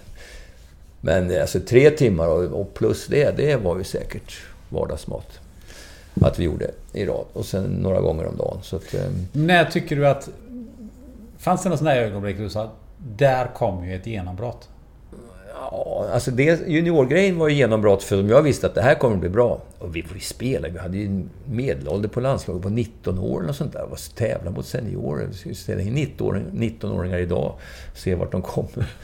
Till, nej, det vi kom långt. Sen var vi med på EM-kvalet 83 och var skitbra, men vi kvalade inte in då. Och då hade vi Italien i vår grupp, tror jag det var. Då blev vi inbjudna sen till Italien och var där på sommaren, för de tyckte det var så häftigt. Och... Alltså vi var väl inte... Jag tror vi tog set kanske mot Italien. Jag vågar inte säga. Jag tror det vi gjorde det. Och sen var vi väl med. Men vi, vi ville ju nog trea i det här kvalet, så vi gick inte... Eller om det var bara ettan som gick dit. Vi kvalade inte in i alla fall till det här EMet. Men då fick vi vara i Italien och träna där uppe i Alperna på sommaren. Och med Prandi då, som var tränare. Och det var ju då som han såg Bengan, att det där var en talang. Så det var ja, Bengt. Ja, så det var då, 83, när vi kvalade då, som han såg det. Så det var ju då Bengan åkte sen på hösten, tror jag redan. 83, om jag inte kommer ihåg fel. Det var vårt första proffs nästan, va? Ja, Hasse, Av rang i alla fall. Ja, Hasse Wiksten hade varit iväg innan från mm. Sollentuna var en kille. Han... Ja, alltså, ja, men Hasse var rätt bra. Han var i... Han var i Spanien. Mm. Och... Ja, han var nog hyfsat bra. Men inte... Alltså Bengan gick ju direkt till Serie A liksom, i Italien. Så att det, alltså, det var ju absolut en, en, en eller ett par nivåer upp. Mm. Jag tror att det var någon mer som hade varit iväg någonstans. Mm. Jag har det i bakhuvudet, jag kommer inte ihåg vem. Hasse Wiksten vet jag, det var ju sån där... ja just det, han hade varit på Mallorca, Son Amar. Det var ett ganska känt lag då. Alltså de, sån där rik hotellgubbe som satte ihop internationellt mm. lag. Och eh, ja, så där började det liksom. Då, då, förstod man att vi var lite bra när vi var med och där och kvala fast vi inte kvalade in. Mm. Så där ja, så där liksom tuffade på, som du var inne på, när vi inte kvalade in till... Sen kvalade vi in då 85 första gången till EM. Och var riktigt bra där. Och tog ta Italien till femsetare och sådana grejer. Och, ja, var riktigt, var liksom, mm. Vi kunde spela mot vem som helst nästan. Och då på den tiden då hade vi börjat få lite inbjudningar, kunna åka någonstans. 86 när vi inte kom med till VM, det var då vi samlade skalper istället. Det var enda gången vi kom på, vad ska vi göra nu då? Nej, men alltså, vi ska slå dem som vi aldrig någonsin har slagit i vår historia innan. Och alla topplagen. Så vi, vi såg ju till att vi fick spela mot alla. Mm. Så kom ihåg, nu har vi slagit alla öststatslag som finns. Alltså. Okay. Tjeckien, Rumänien, DDR, Jugoslavien, Sovjet. Alltså massa sådana där grejer som vi gjorde. Så vi, vi hade slått alla som vi hade mött. Alla som vi hade mött skulle vi slå. Och så hade vi slagit hela Europa någon gång, tror jag. De vi hade mött i alla fall. USA hade vi nog aldrig mött. Sovjet vet jag inte om vi hade mött. Men den där sommaren i alla fall, när vi inte fick vara med på VM, skulle vi åtminstone slå alla som var med på VM sen. Mm. Och det gjorde vi. Så det, när vi summerade den, kommer jag ihåg, det var en sån här som, det, nu var vi bra alltså. Mm. Men det är fantastiskt och sen så, eh, om vi hoppar lite så, så kvalade vi in till OS eh, och var med i Seoul eh, 88 ja. då. Men 87 eh. ska du inte hoppa över, för det, var en, det tror jag var det stora året. Då var vi nog som bäst nästan. Eh, som 87? Ja. Var inte 89 som ni var sen? Nej. Jag tror 87 var vi minst lika bra. Var det EM då? Ja, i Belgien. Det var då som eh, Håkan Björne blev fälld för doping. Jaha. Ja, just det. Och vi spelade i semifinal. Mm. Då också. Men då fick vi spela semifinal utan Håkan. Så han var ju vi var ju där och vi var jäkligt gröna och var med i sådana här sammanhang och vad som gällde. Vi hade ju... Alltså normalt sett så var det ju bara jag och laget och sen så hade då... Så hade då Kostas Kottoglu kunnat komma med som sjukgymnast lite grann från 86 någon gång och framåt när han kunde. Och sen hade jag med någon assisterande tränare. Det kunde vara Elgen Åkerström, Klas-Uno Haldersson, Lasse Oddsson. Stefan Wilhelmsson. De fyra alternerade liksom som, där de kunde för att det var ingen som kunde betala eller de hade sina jobb och såna grejer. Och, så vi åkte dit och sen fick, blev Håkan sjuk då och hade öroninflammation. Och så fanns det sån här eh, eh, chefsläkare för turneringen. Det var en ryss och en barsk. där. Och vi var där och frågade eh, om vi skulle göra. För att vi visste... Jo, just vi hade lånat en läkare med oss. Och, men han visste inte hur det gick till där. Men han visste vad som, vilken medicin som skulle behövas för att öroninflammationen skulle läka. Ja, sa ryssen. Det, just det, den medicinen, det är bra. Den, den ska man ta till det här. Sen för varje match, du vet, så ska man lämna in om man har några som går på medicin när man spelar mästerskap. Så vi fyllde i vår lista. Den här och det här, den här och det här, den här och det här. Och vi fyllde även i vad Håkan fick. Och sen efter varje match så drog man ju då två stycken eller något sånt där, tre eller fyra, som skulle vara dopingkontroll på. Och när vi hade kommit fram efter att vi hade vunnit, vi, vi sopade ju banan med alla liksom där. Och vi spelade pipe och grejer, så det fanns ju ingen i världen som spelade pipe. Vadå spela pipe? Vi spelar pipe. Pipe, alltså mittenanfall vi från baklinjen. Mm. I, alltså i mitten där. Mm, mm. I kombination med första... Mm. Så Bengan och Lasse Nilsson slog in mycket mer bollar därifrån än från vänsterkanten. Mm. Alltså det var ju Det fanns ju ingen i hela världen som spelade. Det gör ju alla idag. Det är ju 20 mm. år efter. Och... Och efter fem matcher, eller vad det nu spelade, var stor, jag, två, jag tror det var två sexlagsgrupper man spelade på den tiden. Och så kom de fram. Oj, han har ju det här, det är förbjuden substans. Ja, men det har ju vi anmält. Farbror Kuznetsov, eller vad han nu kan heta, har ju sagt att det, är, det var ju okej. Nej, det, det, var ett jävla liv. Och så, och, nej, det var inte så här. Så då var vi upp till honom och begärde audiens och komma dit. Nej, men du sa ju att du skulle göra så här. Nej, jag har aldrig sagt. Och hade det var en rysk spelare hade skickat honom till Sibirien med tåg. Ingen flyg. Alltså, en riktig sån här slap in the face alltså. Så det, alltså, det är hur vi höll på dag och natt och alla var ju helt knäckta. Och, och slut med energin tog ju slut. Det fanns ju ingenting kvar liksom. För vi hade ju inga, ingen botten i det här laget. Alltså, Håkan var ju jätte, jätteviktig. Och, eh, men nej, han var ju diskad. Så det där gick ju till internationellt och RF och hela skiten sen. Så han, till slut blev ju han frikänd. Alltså, det var ju verkligen ingen doping. Men... Eh, så då fick vi spela semifinalen mot Frankrike. Och alltså, vi hade ju slagit om hela sommaren innan. Vi hade ju vunnit alla, alltså, alla gånger vi hade vunnit det. Så vi, vi skulle ha spelat final. 87. Men det fick vi inte göra. Nej. Då fick ni göra det 89 istället? Ja, så vi förlorade även tredjeprismatchen mot Grekland med 3-2. Men de hade vi slagit hundra gånger innan. Ja. Men alltså ingen som ville spela längre. Nej. Men nu, eh, vi tar oss faktiskt fram till, till 89 för annars kan vi, vi kan nog hålla på och snacka, snacka Ja, men du, jag, du vill ju ta 88. Men därför så... Därför, Ja. alltså man kan inte kolla in till OS om man inte gjort de här grejerna. Nej, alltså, det vi, det, Nej, det är det vi gjorde 87 var alltså... De stora åren för oss, det var ju 87, 88, 89 och 90. Mm. Det, det är fyra år som vi var världstopp alltså. Ja, ni slog ju alla. Ja. Men så kvalade ni in till OS i alla fall. Om jag Ja. tar er, det var ju Italien vad jag Ja, ja, det var ju alltså en fantastisk grej. Att slå Italien i Italien. På den tiden då spelade ju Bengan och Lasse Nilsson. De spelade i Italien också. Spelade Janne Heden i Italien också? Nej, jag tror inte det. Jag tror det var bara de två. Så de hade jag ju lite insight från och sådär. Och eh, alltså italienarna var ju... Vi var ju bara amatörgäng tycker de. De hade ju gått fram som en slottermaskin. Det var ett kval alla mot alla. En enda biljett till OS var det. Och det var, jag tror det var sex lag med, eller åtta. Och det var Kanada och lite annat. Så vi hade fått verkligen kämpa oss förbi. Va? Och så var det gjort så. Sista dagen, det var vi mot Italien. Det var bara en round robin, alltså alla mot alla. Och så råkade det vara lagt så. Och vi gick in och liksom... Ja, helt klippte de där med 3-0 alltså, i Italien. De var ju dödstyst på... Alltså, det var ju sån sensation så var det inte sant egentligen alltså. Och... Alltså vi var Bengan var ju liksom... Nej, han säger så här, han den här, han gör så här, han gör den här. Och, och så hade vi vårat koncept och hur vi ville spela så här. Och, så att... ehm, ja, det var ju stor fest liksom. Fan, till OS liksom. Ja, det måste varit otroligt Ja. häftigt. Och i samband med det var det då ordnat med... Det var ju stor politik på den tiden. Det var ju bojkotter, det var... eh, Det var ju kalla kriget och sånt där som pågick. Så att...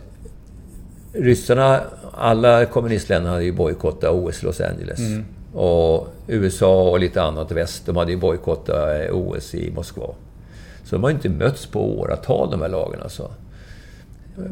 Öst hade inte mött väst liksom. Så det här, det här skulle ju hända då. Eh, I eh, ja, i OS då. Och, eh, det då hade de gjort något som hette Mondo Volley. Så det, var ju, det fanns ju inga andra turneringar än EM och VM och OS då egentligen. Så det andra var ju påhittade grejer. Nu var det något som hette Mondo Volley som de hade gjort enorm reklam i Japan. Eller i, i Italien. Och då skulle ju då USA och Ryssland vara där. Eller USA och Sovjet. Och de höll ju på att köra uppvisningsmatcher medan vi höll på att kvala där. Jag kommer inte ihåg vilken stad vi var i. Men de andra spelade i sina berömda utomhus eh, teatrar och Verona och där de har opera och såna grejer. Så halvt, du vet, så här halvt raserade grejer, ruiner. Spelar TV-matcher där och sådär och väntar bara på att Mondo Volley skulle börja. Och så var de ju sidade som överst och underst i liksom en stege då. Och så gick det väl ut på att, eller det gick ut på att de skulle mötas i finalen. Och på den tiden var det inte så lätt att få TV för allting. Så allting var ju riggat och klart. Och så var de tvungna att spela på vägen dit. Så det skulle vara åtta lag. Så det skulle bli en kvartsfinal, semifinal, final. Ja, så här. Ja, eftersom vi redan var på plats så kunde vi vara med tyckte de då. Ja, det skulle vi vara då. Det var ju uppgjort i och för sig några veckor innan. Ja, vi ställde upp på det där. Och jag tror Kanada fick vara med också. Så övriga var inbjudna då. Så. Ja, vi var ju lottade. Vi var ju sämst då, så vi skulle spela mot USA. Och jag hade ju koll på dem, det är klart. Vad USA hade jag ju kollat massa på. Så. De hade ju alla sina stjärnor med, med Karch och Steve Ertlich och vad du vill. Och så vi, vi kvaddade de här med 3 så jag bara tänkte om det liksom. Så de fick ju åka hem, för det var ju direktutslagning. Va? Helt otroligt. Ja, så Mondo Volley vart liksom...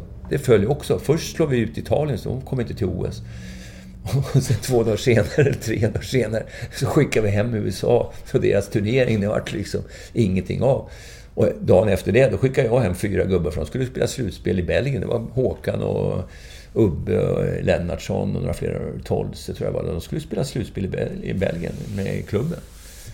Så vi var bara en 8-9 man kvar och spelade. Resten så förlorade vi mot, om det var Italien eller så här i kvart, eller i semin då. Så fine.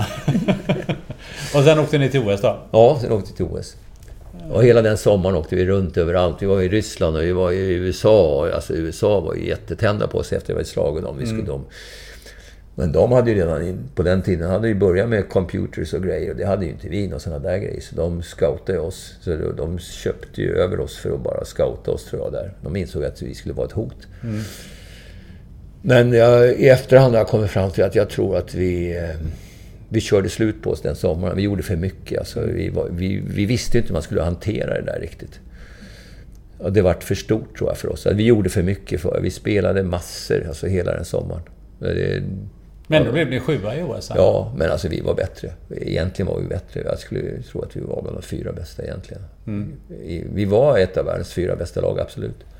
Och sen kommer vi till den här eh, fantastiska 1989. Ja. Och uh, några grejer jag funderar på där. Om vi, tar oss, vi kan ta oss direkt till den här, den här semifinalen mot, mot ryssarna. Mm. Det var väl det enda laget som ni aldrig hade slagit någon gång? Oh, jag tror vi hade slagit dem någon gång, men det är jag inte helt säker på. Men det var inte i något, inte i något mästerskapssammanhang. Mm. De hade ju inte som sagt förlorat på det, vad det nu var, 26 år eller 23 år. Hur gick tänket innan den matchen? Rent, om vi bortser det från det taktiska som vi kanske inte ja. lyssnarna kan hänga med på riktigt. Men just det här eh, ja, men jag mindsetet. Har all, jag har alltid trott på... Alltså... Jag brukar vara lite så här pessimistisk. Nej, men vi är inte så bra. Alltså det här långsiktiga eller övergripande. Siktar ni på? Jag kommer ihåg att innan turneringen sa jag att vi kan slå alla. Det, det, mm. vet jag att jag sa i presskonferenser och sånt där. Och det tyckte ju folk var uppkäftigt. Och jag tyckte, nej, jag, jag, jag tror att vi kan slå alla. Men annars så brukar jag vara så att jag ser alltid en möjlighet före varje match. Ja, det är nästan var, vilket lag jag än har haft, var det än har varit. Så, ja, men om vi bara gör så här. Om vi bara servar där, liksom, om vi bara blockar så här, bara gör så här i försvaret, bara vi anfaller på det här viset, så vinner vi nästa boll. Så det, man bryter ner det till liksom små bitar hela tiden. Så att... Nu kommer inte jag ihåg exakt hur det gick till inför Sovjetmatchen, men det var ju absolut så här ska vi göra. Så här ska vi spela.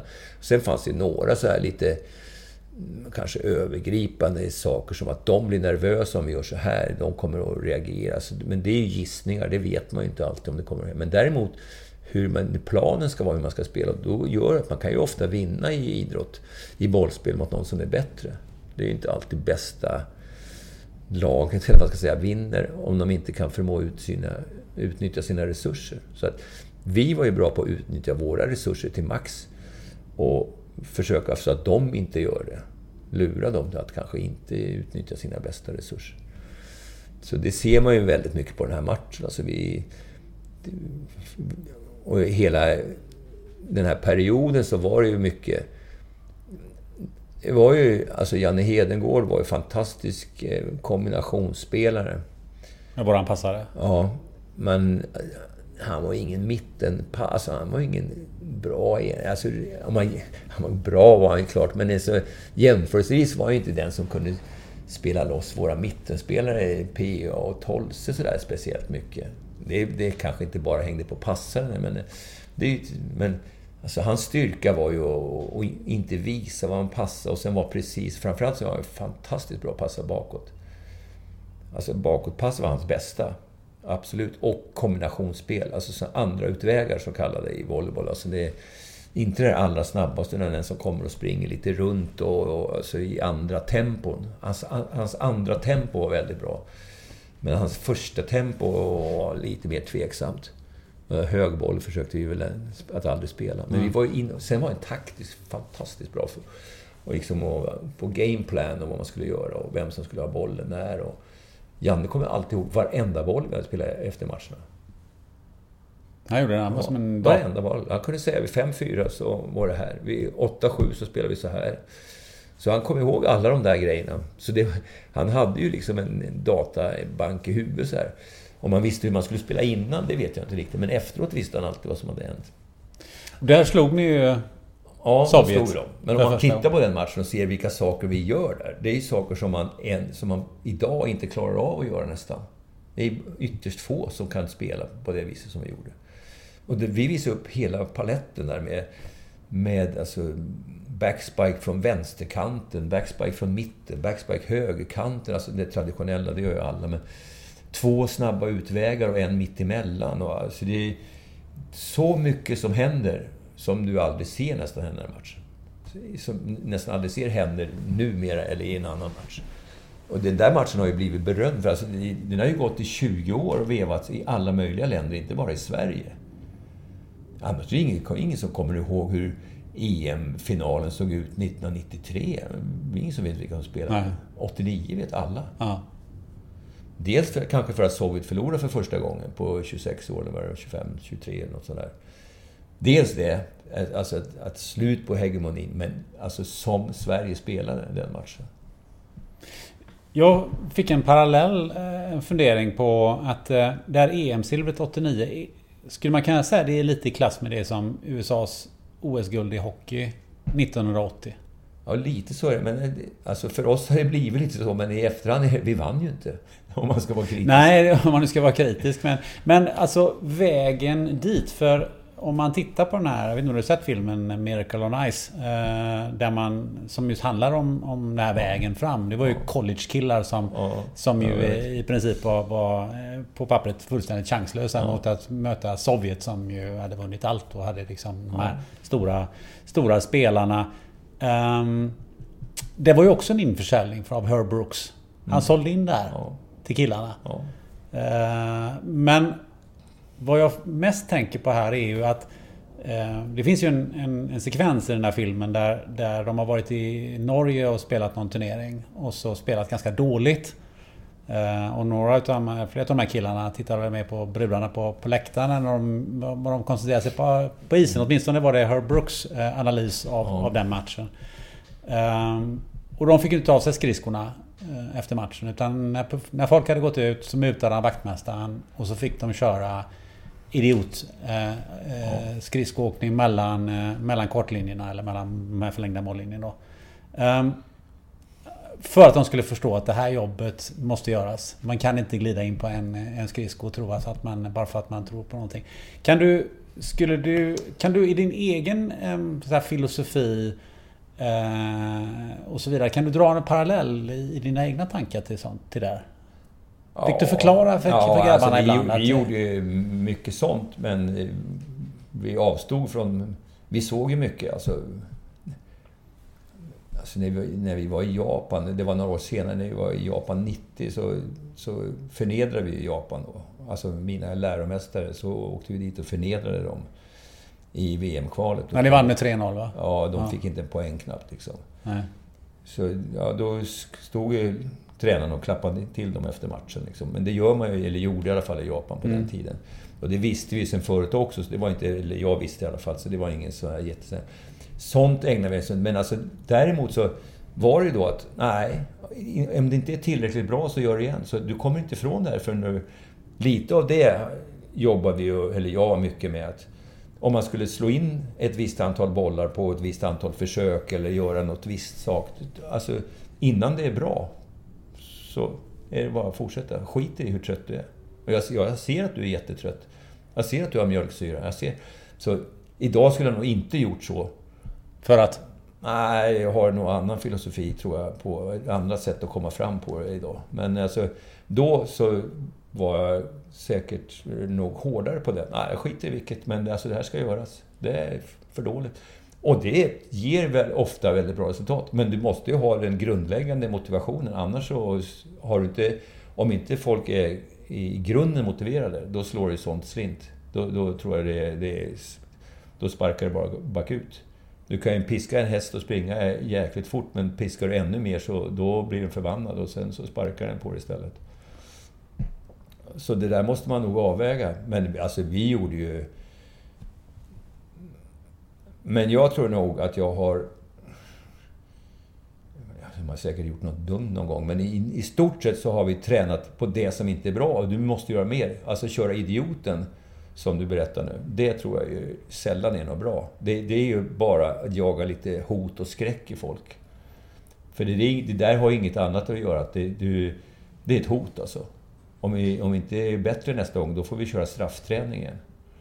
Så, men, jag tycker man får, kan ha straffträning ifall straffträning är någonting att du tränar på det som inte är tillräckligt bra. Det här är fan inte bra, nu får vi göra om. Gör om, gör rätt, typ alltså. Men... Eh, alltså det finns ju många som jag har sett inom volleyboll. Det har varit allt ifrån att de... Ja, ta av dig en, en klädpalt för varje gång du gör fel här, tills de spelar nakna. Jag vet ju alltså amerikanska lag som spelar helt nakna tjejer som bara... Det är bara kört. Det är slut. Det är, Alltså det blir någon slags förnedringsgrej, men det är hot för de vill ju inte göra det. De vill inte spela, hoppa barfota, de vill inte slänga sig nakna på golvet eller vad det nu är. Men... Ja, alltså det, de körde när... Eh, allt möjligt. Alltså, om, om A-laget på ett B-lag, ni måste vinna eller vinna. Så här, om ni förlorar eller förlorar med, vinner med bara så här mycket, då får ni gå hem. Ja, då fick de gå hem. Alltså, och sånt där är ju... Liksom, idrotten är ju fullt av sånt. Och jag är väl lite tveksam till om det håller. Men alltså, det skapar ju hårdhet. Det gör det absolut. Hårdhet och vilja, men som sagt, det gäller att basmotivationen är stor. Annars så tror jag det skapar kanske mer osäkerhet. Man får inte tveka i de här ögonblicken som man ska eh, göra de bästa grejerna. Alltså, tänk om jag misslyckas, tänk om jag måste köra extra. Det, det är en ganska dålig tanke att ha. Ja, det blir väldigt negativt. Ja. Men det... bara klappa i rumpan och allting är jättebra, när det inte är det. Det är jag ju mycket motståndare till. Mm. Och det är ju rätt mycket förhärskande idag. Alltså det är jättekänsligt, ingen folk... Men det beror ju på vilken miljö man utbildar i, vad man, man vad man gör av sin modell. Liksom, Men man kan inte komma till, till okänt folk och liksom tala om att det här är bara skit. Nu får du nu får du springa, får du gå hem liksom. Det beror mycket på vad, vad, man har för något inom laget, vad man, vad man bestämmer sig för för grejer tror jag och sådär. Men... Eh, ja, inte för mycket av någon av varorna. Det, det, går inte att allting är bra. Det här svenska som är nu efter varenda match ska folk säga Vad tar du med dig från den här matchen? Och så ska alla ta något bra som de tar med sig från den här matchen. Jag hör aldrig någon som tar med sig något dåligt. Det här var fan skit. Det här måste vi bli bättre på. Nej, då blundar man för det istället. Så låtsas man att det, den här grejen var bra. Och jag vet inte hur man gör man tar med sig den. Stoppar man det i fickan? Det finns ju inget konkret att stoppa i fickan. Det är bara larv. Alltså det är så mycket snömos kring det här... Eh, alltså idrottens psykologi. Så det... Har det blivit mer snö, snömos nu än ja, förr? Ja, det, det, tror jag. Förr kunde man inte, men nu så är man ju rädd. Rädd för vad då? Ja, man är ju rädd för att ta i och säga fel och stöta sig med någon och kränka någon eller vad, eh, vad det nu kan vara. För det gick ju några år eh, och, och 95 så, så tog ni er inte till, till EM för ni fick stryk av Jugoslavien hemma med, med, med 3-0. Och det var ju på något sätt eh, man kan ju säga det att det var ju brytpunkten åtminstone när man tittar på resultatmässigt. För efter det så, så blev det ju inte så mycket mer utav svensk Nej. volleyboll. Och där någonstans så, så blev ju också den här brytpunkten när, när det kom någon sorts, vad ska man kalla det för, protestbrev eller någonting till förbundet från en mm. del utav, utav spelarna. Eh, vad, vad, berodde, vad minns du utav det där? Eller vad, vad berodde det där på? Det är som jag sa innan. Riktigt bra, då var vi 87 till 90. Då var vi riktigt, riktigt bra. Mm. Och men redan 90 så var ju folk trasiga. Lasse hade gjort massa operationer för sin eh, stressfraktur i underbenet. Mm. Och, alltså, läkarna hade experimenterat med allt möjligt. De fick ju inte ordning på det där. Bengan hade opererat knät, så hade han inte tränat nästan. Och vi kvalade in då till, till VM 90 utan Bengan. Vi ville bara låtsas att han skulle komma till alla som frågade hela tiden. När kommer han? När kommer han? Det där var Jugoslavien, det var Japan, det var eh, Kanada, där var Frankrike. Alla, alla nationer som nästan var ju där och skulle kvala till VM. Och, och vi låtsades att Bengan skulle komma alltid nästa dag. Eller ah, inte, han måste spela en match till i, med Parma, tror jag det var, i playoff. Men han kom ju aldrig. Så vi vann ju det där överlägset utan honom. Och Holland var med också med sina jättelag. Så, ja. så att vi var ju och sen opererade Bengan knät på, på sommaren där. Och Lasse hade opererat sig och så vi hade väl slitit mycket på Håkan. Björne då, för att jag menar, hur man än... Det är ett fantastiskt lag, allihopa hade sina roller, men för att vi skulle vara riktigt bra så behövde ju både Bengan, Lasse och Håkan Björne spela, alla tre. Det var ju, vi spelade ju med... Vet inte hur man... Alltså, på ett bra sätt om man vill förstå det. Så det, det var ju liksom den här fyrkanten. Liksom. Det var, på högersidan fanns Janne Hedengård och Håkan Björne. På vänstersidan fanns Lasse Nilsson och Bengan kan man ju då göra förenklat. Så det vart som en, en sån. Och, och sen eh, så var vi ju ganska bra då till VM. Vi slog massa lag innan på träningsmatcher, men vi var ju väldigt dåligt förberedda för att vara spela länge. Och sen, det var den här berömda matchen i, i Brasilien, när vi hade Brasilien på, på knä i princip. Och då, då de stoppade matchen och började riva hallen. Och, Alltså. Och de hade gjort allt för att vi inte skulle vinna. De hade ju matförgiftat oss och snott våra tröjor. Och liksom sa de, ah, har du ingen tröja kan du inte spela. Alltså en reservtröja med annat nummer, nej det är inte anmält. Det, liksom, det går inte. Alltså det var ju mycket sånt där som pågick. Så vi var ju så nära att vinna. Då hade vi gått direkt till kvartsfinal. Nu fick vi ta en omväg och flyga till Brasilia och börja spela igen mot vad det var, Bulgarien. Och, alltså, det var det inget bra slutresultat, men vi hade, men vi hade inte råd att spela så där mycket, så att säga. Vi förlorade den här matchen med 3-2. Alltså det var, de hade såna här toaletter inne i arenan Så Håkan sprang ju mellan timeouterna liksom. Och han var ju så dålig i magen så det, det, det finns ju inte. Va? Men, de matförgiftade? Ja, ja, alltså det var hjältar. Alltså, du hör ju. Skulle, idag ska jag säga, nej jag har ont i magen, jag får inte spela idag. Det fanns ju inte liksom. Det, Helt otroligt. Ja, helt, helt otroligt var det.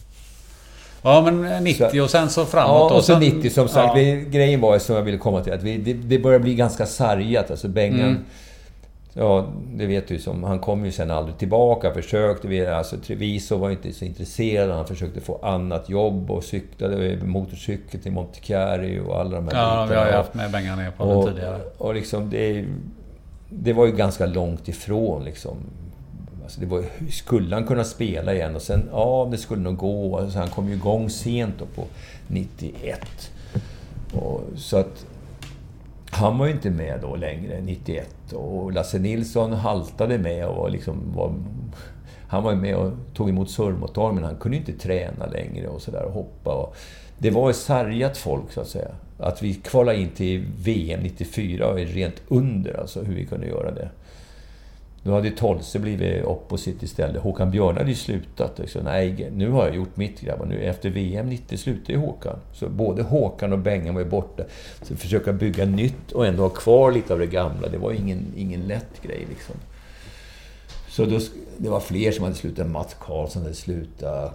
Sköld nu. Och så här, så, som var normalt kanske var tredje center. Som Tolse skulle spela, eh, spela kors med passarna. Då måste vara en ny center komma in. Och, och Tolse var ju inte Håkan Björne från baklinjen riktigt. Va? Det är inte samma sak. Och, ja, det var mycket sånt där. Och jag jobbade, försökte få in unga killar igen. Och, och vi gick till VM 94 som var en bragd i sig. Och som sagt, 95 så... Vi hade ju knappt lag och lite resurser och bara nytt folk som inte hade den erfarenheten. Så plötsligt så skulle Jugoslavien vara med igen. De hade ju varit portade ett tag, men så mm. fick ju de vara med i finrummet. Så, så lottades jag plötsligt in i våran grupp. Och det var ju för mycket för oss. Så att det klarade vi inte av. Men sen kom 96 där och... Ja, då, så var det 95. Ja, då var det några som... Några killar som tyckte det att eh, det var för hård träning och några vet jag, de tyckte väl att det var de som skulle spela. Jag är bättre än Janne Hedengård, tyckte någon av de här. Ja, alltså man, vad ska man göra? Man får ju skratta åt det. Det var ju... Det var, det var tre stycken som man skickade ett brev till förbundet. Och de tre var ju liksom inte aktuella att spela egentligen. Och han som passade tyckte ju att han var Guds gåva liksom.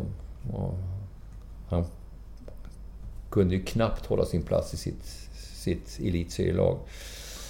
Ja, det var mycket, mycket gnäll. Eh, så, eller alltså vekt och så. Och jag vet... Det är klart att Jag, det var ju lite pressat. Det var ju de, på dem var det ju press och kanske på mig, på oss, på svensk volleyboll i alla fall. Vi blev ju jämförda med 89 eller vad du vill. Så här, va? Men det är klart att ingen av de här killarna var ju i den nivån. De som kom in, de var inte, det var inte stora killar. Det var 1,90, 1,92 istället för 2 meter. Och, ja, lite sådär. Det, det var, nu behöver man inte vara bara lång för att man ska vara bra. Det är inte jag tycker så, men då får man ha andra kvaliteter. Men de var inte tillräckligt bra, som de nya som kom in, för att hålla den nivån. Och då är förväntningarna kanske högre än vad man klarar av att göra. Och jag försökte väl med expressfart få oss att vara kvar, eller det här laget eh, ytterligare. Så här.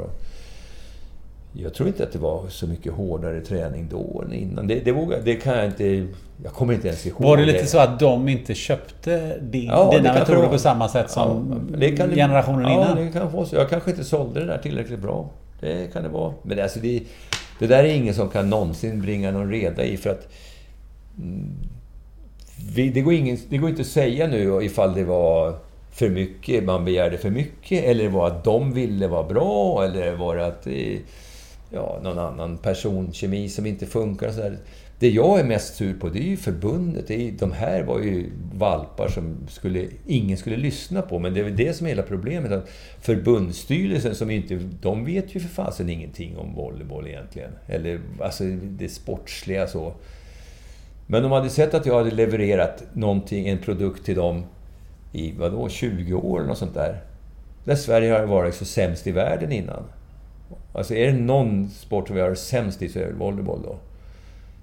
Och nu vi, har vi varit en av de bästa i världen. Alltså en resa som är helt ofattbar egentligen.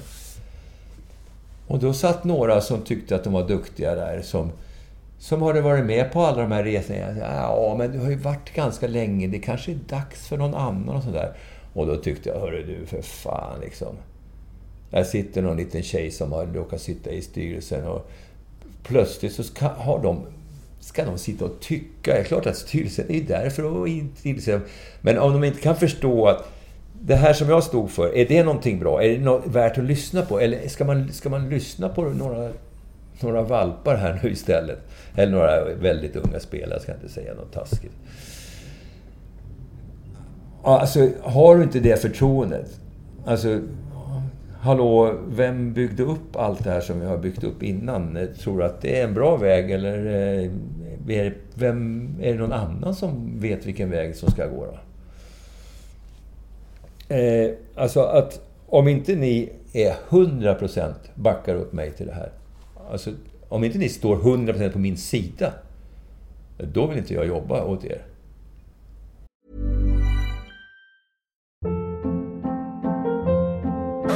Hold up. What was that? Boring. No flavor. That was as bad as those leftovers you ate all week. Kiki Palmer here, and it's time to say hello to something fresh and guilt-free. Hello Fresh. Jazz up dinner with pecan-crusted chicken or garlic butter shrimp scampi. Now that's music to my mouth. Hello Fresh. Let's get this dinner party started. Discover all the delicious possibilities at hellofresh.com.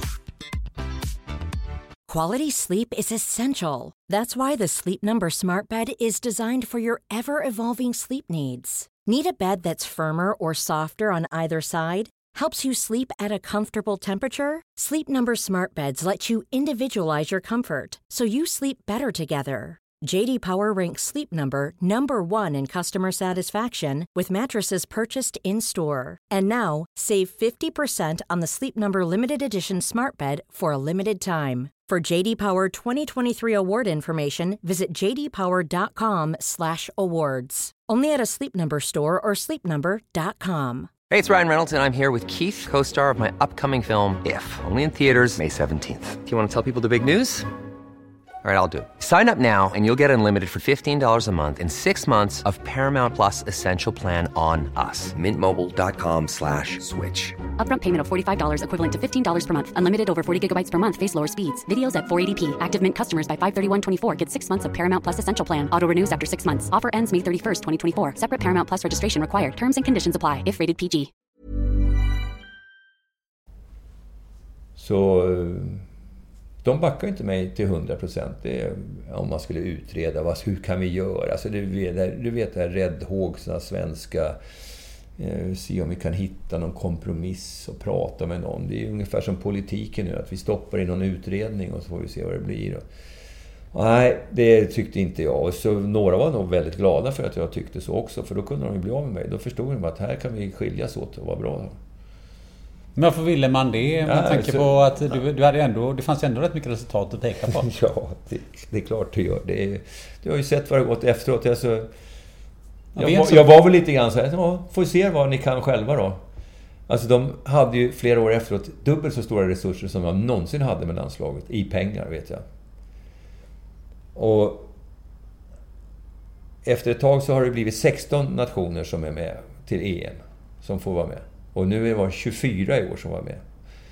Men alla de här fem gångerna som vi kvalade in, då var det 12 nationer som kvalade in. Och inte någon gång har man kvalat in sen dess. Alltså. Det är 30, eller vad det kan vara, 26 år sedan. Eller 26 år eller 27 år som man inte har kvalat in någon gång. Fast det är dubbelt så många lag som nu får vara med. Man behöver bara vara hälften så bra för att kvala in nu. Och man har inte gjort det på 25 år. Och kanske någon kan dra sina egna slutsatser om det var ett bra beslut de gjorde. Men om man vänder på det så här eh, och säger att om, man, om det här inte hade varit på det sättet. Hade du liksom varit kvar, tror du, nu är jag på hypotetiskt resonemang här, men hade du varit kvar i Sverige 20 år till? Det, nej, det tror jag kanske Det vet jag inte. Som sagt, det är väldigt hypotetiskt. Men jag hade ju varit kvar då och mm. sett till att göra den här generationsvägen. Att vi kunde kanske hänga kvar. Det tror jag att jag hade varit. Det var inte, det var inte mer än annat. Men jag hade ju ständiga anbud att vara utomlands. Så det var inte så svårt för mig. Och jag visste ju det att jag... Alltså... Att vara med och jobba och jobba... I motvind kan jag jobba att det, att det är svårt. Att det, det är svårt sportsligt. Men om man, om man inte har några med sig. Alltså jag har ju tagit många beslut emot eh, vad prominenta personer i förbundet och tyckte innan och generalsekreteraren och styrelsen nej det här kommer jag inte bli något, kan vi verkligen ha råd med det här? Och då, jag gjorde ju alltid bara grejer som inte kostade någonting. Det var ju bara... Det var ju alltså lågpris på allt det vi gjorde. Alltså jag bokade ju biljetter. Jag lärde mig själv så att jag gick på, på tejpkurser. Jag kunde tejpa folk. Jag kunde... Jag bokade biljetter. Jag... You name it. Alltså det, det, pratade ju tidigare om. Jag skickade ut vem som skulle ha gaffel och kniv med sig. Vem som skulle ha tallrikar, vem som skulle ha djupa och flata. Alltså, alltså jag hade gjort så mycket på alla plan. Och inte bara med laget, utan var liksom utvecklat med hur distrikt och annat skulle jobba och göra. Och alltså det var ju tusen och en saker. Det var jag som ordnade så att vi fick EM i Stockholm. Det var min idé att dela på det här. Alltså det skulle jag, det, EM skulle inte gått i Sverige. Så att jag vet inte, svaret på din fråga det är ja. ingen som vet. Men det hade ju varit kvar ett tag till och det, det, hade ju... Alltså i vilken annan idrott som helst, tror jag. Men Sverige som sagt, de är dåliga på att värdera sina gamla hjältar. Nu säger jag inte att jag är en hjälte, men alltså vem det nu än är, om det är hockey eller fotbollsspelare eller vad det nu är, eller ledare. Det är liksom... Det är ganska dålig recognition på dem. Mm, jag vet, jag har ju intervjuat eh, eh, det, Magnus Wislander mm. i den här podden. Och han är ju blivit korad till århundradets bästa ja. handbollsspelare. Ja. Och han har ju också lite den att, eh, ja men eh, det är bara i Sverige som... Ja, ja men alltså man jämför då Hall of Fame ja. när jag kommer till Japan. Och liksom, jag, jag var i Japan då, alltså när det skulle delas ut. Mm. Jag fick ju åka mm. därifrån och komma tillbaka. Alltså det var jättestor grej. Liksom, va? Och då är jag svensk i Japan som de gör världens parties för och såna grejer. Det... Ja, det, den känslan har man inte. Och, men man kunde, det jag vill säga att man kanske kunde ha skiljts på ett lite bättre sätt och säga att... Ja, inte vet jag, men... Eh, men har man frågat... Hur mycket kontakt har du haft efteråt? Hur mycket har man frågat dig? Efteråt? Nej. Ja. Nada. Nada? Ja. Det är liksom bara, det är ingen som har eh, ringt och sagt att du Anders, Nej. hur gjorde ni där? Nej. Eller hur, vad, vad hade du gjort? Eller liksom? Nej, jag, sen, jag har ju pratat med några av tränarna som, som har lite sådär, men... Alltså de, många har ju varit lite förlägna, men en del har jag pratat med. Några har ju varit med och lärt upp. De har ju fått vara med mig och komma på besök där jag har varit i proffsklubbarna och stannat mm. i veckovis och gjort saker och så här. Så jag har ju varit väldigt tillmötesgående mot alla på det viset. Eh, hela tiden. Jag har ju liksom varit korrekt i det och varit... Men förbundet har inte någon gång behövt någon... Jag, jag hjälpte ju några landslagstränare även på landslagsträningar här, eh, fast i det fördolda liksom. För att de vill, så jag hjälpte dem, men inte på förbundets eh, förfrågan. Men om vi, om vi, om vi snackar lite här, för att jag, jag, jag såg ju en ganska intressant artikel eh, som skrevs någon gång i Expressen i början på 2000-talet, 2004 eller något sånt där, som var rubriken Eh, jag tycker det helylle är värdelöst. Så han hade plockat ut där. Men, men eh, alltså, ja, vad, jag, vad jag funderar på är att, och då skrev liksom att eh, om Riksidrottsförbundet hade en mall för den perfekta idrottsledaren så ska han kanske inte passa in i den förebilden. Ja. Är det lite det som är problemet? Att, att det är svårt att vara, man måste ändå säga, udda, rebellisk. Eh, och, och, gå sin egen väg. Eh, kanske det gamla vanliga, bli profet i sitt eget land. Är det, är det svårt i Sverige, upplever du?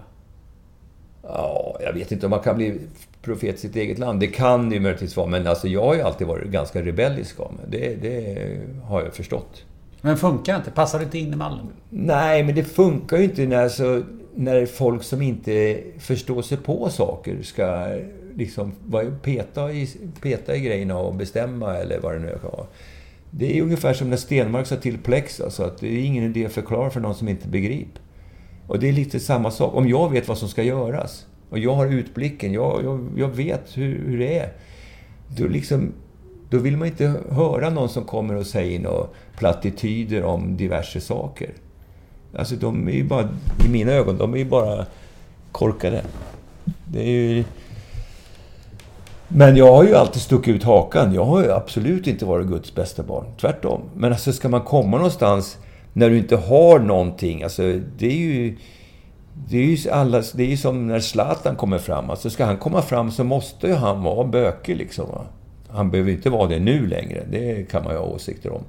Men när han kom fram så kan jag förstå det. Eller många andra. Och om jag och vi skulle komma fram någonstans som var sämst i världen. Så går det inte att stå med mössan i hand. Utan du måste sticka fram hakan och utmana. Och jag har ju utmanat på alla plan. Om det sen är FIVB eller om det är förbundet eller vad det än är. Eller om det är domare eller vad det är. Jag har inte varit nådig liksom. Men det är ju många som också uppskattar det jag gjort. Jag har suttit i FIB i massa år. Jag har ju ändrat många grejer där. Jag har ju infört massa grejer som är hemliga som har gjorts i FIVB. Och men har vi för lite Men det var ju också så här, det, var, det kom ju någon fram till att nej, jag satt ju på så många stolar för när de här kritikerna och de här smågrabbarna var...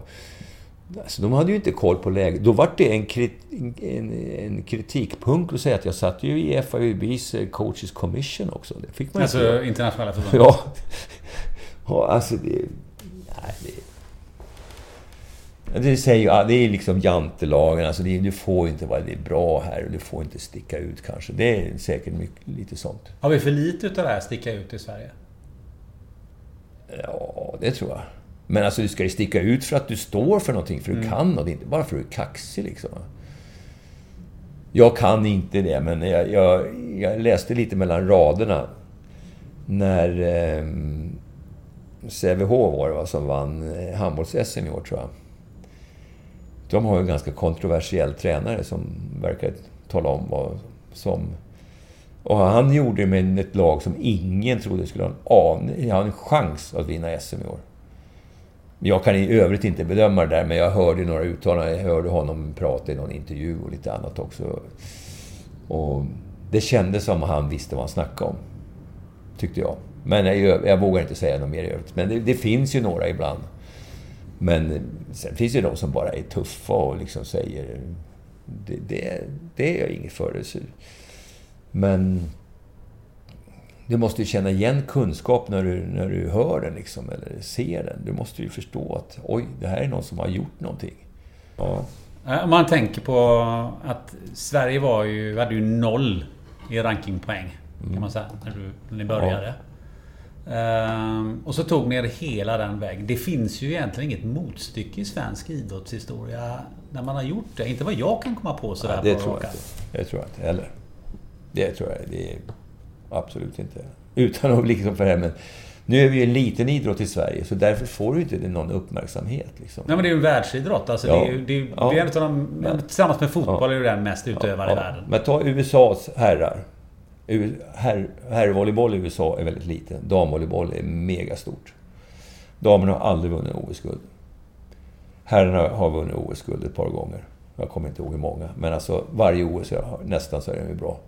Det är ingen som kan mer än... Alltså USA är ju tokiga på, i OS, men alltså dessemellan. De klarar ju inte att starta en egen liga. Det går inte att få det runt liksom. De har ju ingen erkännande heller kan man säga. Fast de är, har varit bäst i världen flera gånger och är alltid med där. Och det är gjort på en väldigt liten skara. Och det är samma folk. Det är fyra, fem personer som står bakom det där. Alltså som är tränare eller rådgivare eller... Alltså det är mycket, mycket, mycket liten skara som har gjort det där. För att de vet hur man gör. Och de gör det på ett material som är ju långt, långt, långt, långt, långt, långt ifrån det som Ryssland eller Holland eller Italien eller Jugoslavien de här har. Alltså de gör ju det av skräpet som blir över när alla har valt alla andra idrotter i USA på universitetsnivå. Ändå lyckas de. Ja. Eh, Men jag, det jag är jätteintresserad av det är ju eh, Tillbaka till lite grann där vi började. Alltså Var någonstans skulle du säga, var fick du den här drivkraften ifrån? För du har ju lagt ner oändligt mycket timmar ja. på det här. Du har liksom, eller har jag fel att säga att du har nästan lagt ner dygnets vakna timmar? I, mång, i, mång, I mångt och mycket. Ja, alltså i... Ja, det får jag ju tillstå. Alltså i större omfattning än vad någon begriper, tror jag. Och vad, vad jag vet någon annan har gjort inom svensk idrott. Ja, jag tror inte det finns så många som varit så tokiga som jag. Var fick du det ifrån? Det vet inte. Det, det, det är väl omöjligt att säga. Det, det kan man ju teoretisera om. Alltså, jag har ju... jag har ju läst psykologi också, så att... Alltså det, går. Det där går inte att säga pricksäkert. Om det... Inte vet jag. Det... Man vill hävda sig eller vill få... Är det det vinna? Eller är det... Ja, men alltså jag är det tänker nästan utveckla- alltid framåt. Jag är, ja, alltså, jag är ingen så här som firar i dagar för att man vinner någonting. Så här. Det är den dagen man vinner ungefär. Sen är, vad är nästa grej? Så jag, jag brukar vara jättedålig på att komma ihåg vad vi gjorde, vad det var då, vad var taktiken. Jag tycker det är irrelevant. Det är nästa grej. Nuet och morgondagen som har gällt hela tiden. Och hur kan man göra det bättre? Hur kan, det är klart jag vill vinna, det är det det går ut på om man är med i idrott. Alltså, all idrott alla är med för att de ska vinna. Sen, logiskt förstår man att i år kan vi nog inte ta SM-tecken eller vinna VM eller vad det nu är. Det är så är det ju, men egentligen är, går det ut på det, att vinna. Och då har jag varit på något vis beredd att göra vad som krävs istället för att göra andra saker som... Alltså varför göra det näst, näst bästa när det går att göra det bästa ungefär? Men om det bästa är att nu måste jag sitta i tre timmar och, och scouta det här andra laget, eller mitt eget lag eller vad det nu är. Eller gå på fest, eller gå på... Ah, då får jag ta det här och, och scouta mitt eget lag. Går jag inte på fest då, eller åker inte vet jag, badar eller vad, vad du nu vill. Eller skiter i att äta eller något sånt där. Då får jag skippa maten idag, jag har inte tid. Men Det, det, alltså, jag har varit beredd att göra ungefär vad, vad, vad som krävs, vad jag tror som, som gör att det kan bli bättre. För du har sagt någon gång så här att jag har stora ambitioner, men inte för min egen del, utan för de lag jag tränar. Ja, alltså det, det tycker jag att det har varit. Fast jag fattar ju att de har inte gjort det utan mig. Det, det, Nej, det är klart. så... men det känns Så att... timid vill jag inte låtsas vara, för det tycker jag är falskt. Alltså, och, men man vill väl säkert ha något erkännande. Man måste ju få veta att man finns på något vis och hävda sig in det. Alltså det gör ju alla på olika sätt. Och, ja, alla vill ju ha bekräftelse på något vis i det man gör. Alltså, du vill ha bekräftelse av din familj, eller din, dina barn, eller av dina föräldrar, eller av ditt jobb. Alltså allas, alla, alla vill ha någon form av bekräftelse, tror jag, alltid. Men det är ett ramverk, men det är inte bara det ramverket. Man måste vara intresserad av den här grejen. Alltså, man kan inte göra den här saken om man inte tycker att den är intressant och, och stimulerande, skoj och, och sådär. Det, det, kan man inte göra heller. Man kan inte göra en grej för att bara att jag ska få uppmärksamhet om du inte gillar vad du gör. Så att... Eh, jag har varit beredd att göra vad det är som krävs för laget. Det, det stämmer säkert. Men jag vet inte. Jag ingår väl i laget, hoppas jag? Ja, jo, jo. Nej, men alltså vad jag, vad jag vill komma med det, det att du har sagt det, det är väl liksom att, att det finns någonting i drivet nu gissar jag bara att det är det att utveckla människor och ja. utveckla själva ja. laget mer än att, att för din egen del fira, fira segrar. Mm. Jo, är det, bra, det är, det en rätt tolkning? Ja, det tycker jag är rätt. Alltså jag är ju, som jag var inne på förut, jag jobbar mycket med att utveckla individen och sen fattar jag också att man måste göra ett lag av det, ha kul ihop och göra grejer och jag hittar på saker som, som gör att det, är, att det är skoj. Men att det skoja får inte vara på bekostnad av det seriösa. Man kan inte spela fotboll på en träning för att det är roligare just då. Nej. Alltså volleybollspelare tränar ju väldigt mycket i förhållande till många andra bollidrotter. Så det är klart att de blir lite less ibland på det. Och då måste man ju försöka göra någonting roligt. Men då gäller det att kanske inte då göra just det. Typ spela fotboll en hel träning bara för att det är roligt. För det blir man ju inte bättre volleybollspelare på. Men vad, vad är lite grann... Men alltså, driv, alltså, att utveckla folk, alltså och utveckla lag. Det var ju samma, jag kom till Japan, de har ju inte spelat, de har inte varit i semifinal någon gång. Det är inte så många lag, det är sju lag, eller åtta lag i Superligan. De har aldrig varit i semifinal, alltså bland de fyra bästa, på 56 år. Så länge de har funnits. Det vart ju liksom... Det tyckte jag skulle vara stimulerande att säga, titta jag kan göra bättre. Och så gjorde vi det och så vann vi till och med. Men det jag är lite på väg här, det är ju eh, det som vi som jag funderar på, det är ju om man gör det här, engagerar sig så mycket. Hur mycket utav så att säga, det så kallade sociala livet eller det runt omkring har du hunnit med under de här åren? Ja, men det blir ganska mycket socialt liv kring de här lagen. Men det blir ju mycket kring dem. Man har inte så mycket tid. Ja, jag tänker på familj och lite Ja, det har man inte tid med så mycket. Är det någonting du har funderat över? Ja, det är klart man funderar över det. Eller var det någonstans där sagt nej nu skiter jag i det, nu ja, men alltså, det är ju val man gör längs vägen.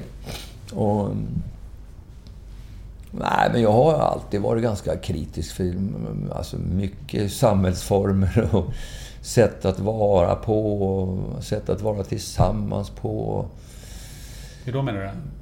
Mm, ja, alltså det är ju så mycket traditioner och det är så mycket normer som det ska levas upp till. Och jag har ju varit rebellisk på många fronter, så jag har nog varit beredd att utmana det på mer än att käfta med domare. Liksom. Men hur har du utmanat dem då? Ja, men alltså jag är inte så mycket för de här traditionella familjemiddagarna och parmiddagar och sånt där. Det har jag alltid tyckt har varit skräcken sen jag var tonåring. Fasen vad äckligt. Ja, alltså det, det, är inte min grej. Så jag tycker det är jättetråkigt. Det måste ju vara, måste vara rock'n'roll. Jag är Rolling Stones, jag är inte Beatles liksom. Men har du... Eh, man tänker på när du... Nu är det, har du ju liksom ett långt idrottsliv bakom dig och det är ju ändå, det är ändå så att, att väldigt många någonstans så att säga, säger att ja, men nu, nu får jag lägga det här åt sidan för nu, nu vill jag göra något annat. Men för dig har liksom, det har varit det som har drivit dig hela vägen och du känt att det andra har inte varit en uppoffring? Är det, är det så man ska tolka det? Så att säga? Nej, inte uppoffring men alltså... Allting är val som du gör i livet. Mm. Allt är val som man gör i livet. Men jag har inte velat välja bort 20 eh, år för att, ha, att uppfostra en unge. Och så tänkte jag redan för 35 år sedan att man får ju tänka på klimatet också. Vet du. Hur då menar du? Ja, man får inte ha barn. Det är liksom det värsta miljöbov man kan vara. Aha. Får man flyga hur mycket man vill. Är det där en efterkonstruktion?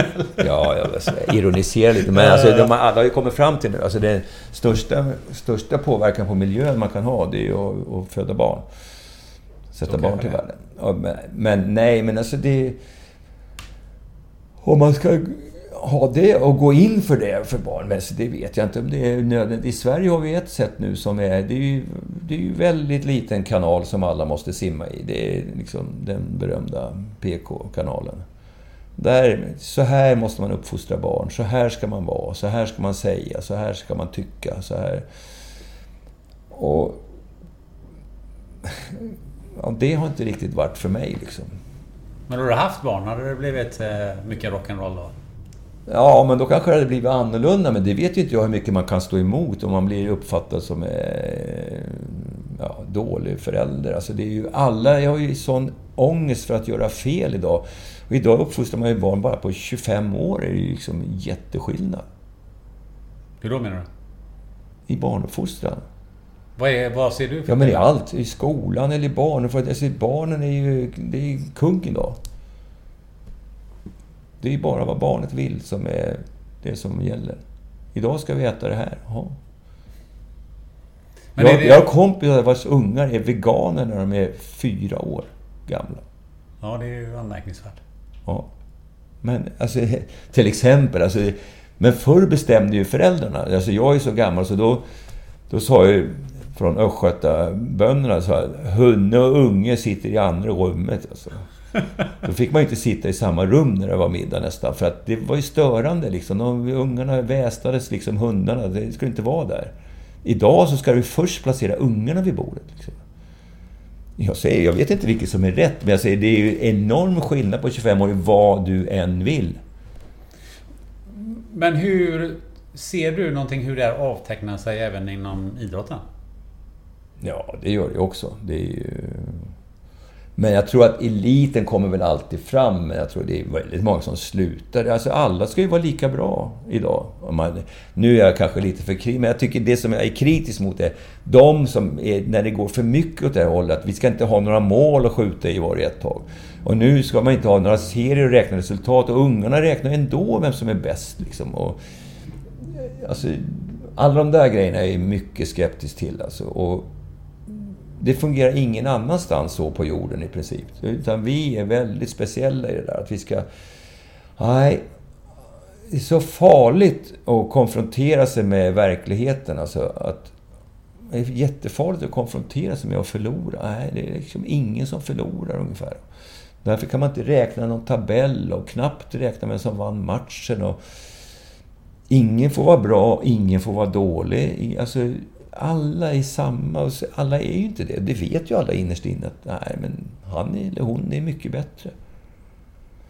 Och då slutar folk, det är inte intressant, det slutar tidigt. Men som sagt, de här, den, den som riktigt vill och den, den, den riktiga eliten, så att den kommer alltid komma fram ändå. Det tror jag. Det tror jag. Men inte så... Kanske inte så bra som det skulle ha blivit annars.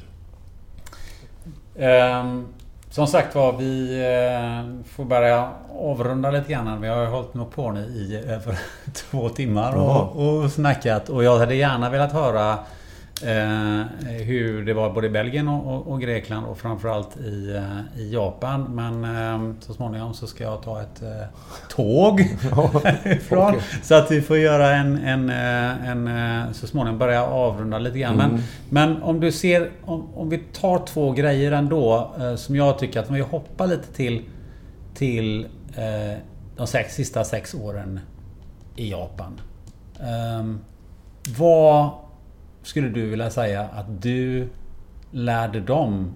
Och lärde du dig någonting nytt som du tar med dig därifrån jämfört med det som du redan hade lärt dig i, i, Japan? Jag tror ju man lär sig saker så att säga varje dag snudd på i livet. Och det är klart, om man kommer till en helt annan kultur så skulle man vara ganska korkad om man inte lär sig något därifrån, tycker jag. Så självklart lär jag mig väldigt mycket från deras sätt att vara och tänka och göra saker. Alltså det kan jag ju prata väldigt länge om, Ja, vi skulle ju Det avsluta. gör vi en special Men det är ju... Som sagt, jag försökte sammanfatta i sättet att tänka, vara, handla, att, att göra saker på. Att bemöta andra människor, eller hur du framställer dig själv eller hur du jobbar tillsammans med andra. Alltså det, det finns ju väldigt många aspekter. Om, det, är en, det är en mosaik som man inte kan alltså, sådär enkelt bara kasta Nej. ifrån sig och säga att ah, ja, det är så här eller så här. Mm. Och det är väl samma sak vad jag lärde dem. Jag lärde dem att spela mycket bättre volleyboll än vad de gjorde innan. Mm. Men förutom det? Lärde du dig någonting utifrån ett... Ja, jag lärde mig saker. De lärde sig väl också. Det är klart de var lite nyfikna på hur det funkar i väst och sånt där. Men det, alltså det har jag svårt att bedöma och säga. Vad lärde de sig? Förutom mm. att jag vet att de lärde sig hur man spelar volleyboll bättre. Mm. Men var de tvungna att anpassa sig på något sätt? Till, du, du kan ju onekligen ha en annan ledarstil än vad en japan ja, oh, ja. Vad tror du var, vad, vad var svårast för dem? Ja... Det var väl att förstå vad jag ville kanske. jag började med... Alltså de kunde inte prata någon engelska ens när jag kom. Fast alla, alla universitetsutbildade. Alla i Japan. Som spelar volleyboll. Sex år engelska så här. Men man kan, bara, man kan förstå en text, men man kan inte förstå när de säger något. Och mm. kan absolut inte prata. Så jag förstod ju... Man får ju vara smart, eller inte smart. Man får vara fatta att ja, jag kommer inte kunna komma igenom här. Okej, jag har en tolk, men jag vill inte ha någon tolk. Jag vet inte vad han säger. Det är ju enkelt. Många kanske hade nöjt sig med det, inte jag. Då ser jag till, hur fan, jag måste kommunicera. Kommer jag kunna lära mig japanska på det? Liksom, vi börjar ju träna idag. Nej. De har sex års utbildning i engelska. Kan de förstå vad jag säger på engelska? Ja, om jag sätter igång och gör engelska lektioner varje dag med dem. Så då gjorde jag det. Mm. Så jag engelsklektioner, inte varje eller varannan dag kanske. Så här. Tills att de förstod vad jag ville. Så vi kunde, kunde prata träning och liksom match och så. Men därifrån till att ha, sitta och prata i två timmar om livet, det, det var ju ogörbart även efter sex år i princip. Förutom en eller två. Nej, men tänk också din... Så att det är klart att vad de lärde sig av mig, det får ju nästan de svara. Det är svårt mm. för mig att säga att de lärde sig det här av mig, hur man ska vara. De lärde sig väl att eh, vara mer rebelliska. Och de fattade att Rolling Stones är mycket bättre att lyssna på än eh, något annat. Om de förstår vad de säger. Nej, men alltså att våga stå för någonting och vara någonting sådär. Och, ja, de lärde sig att vara lite mer eh, jag än gömma sig och bara vara en kugge i maskineriet. Tror jag.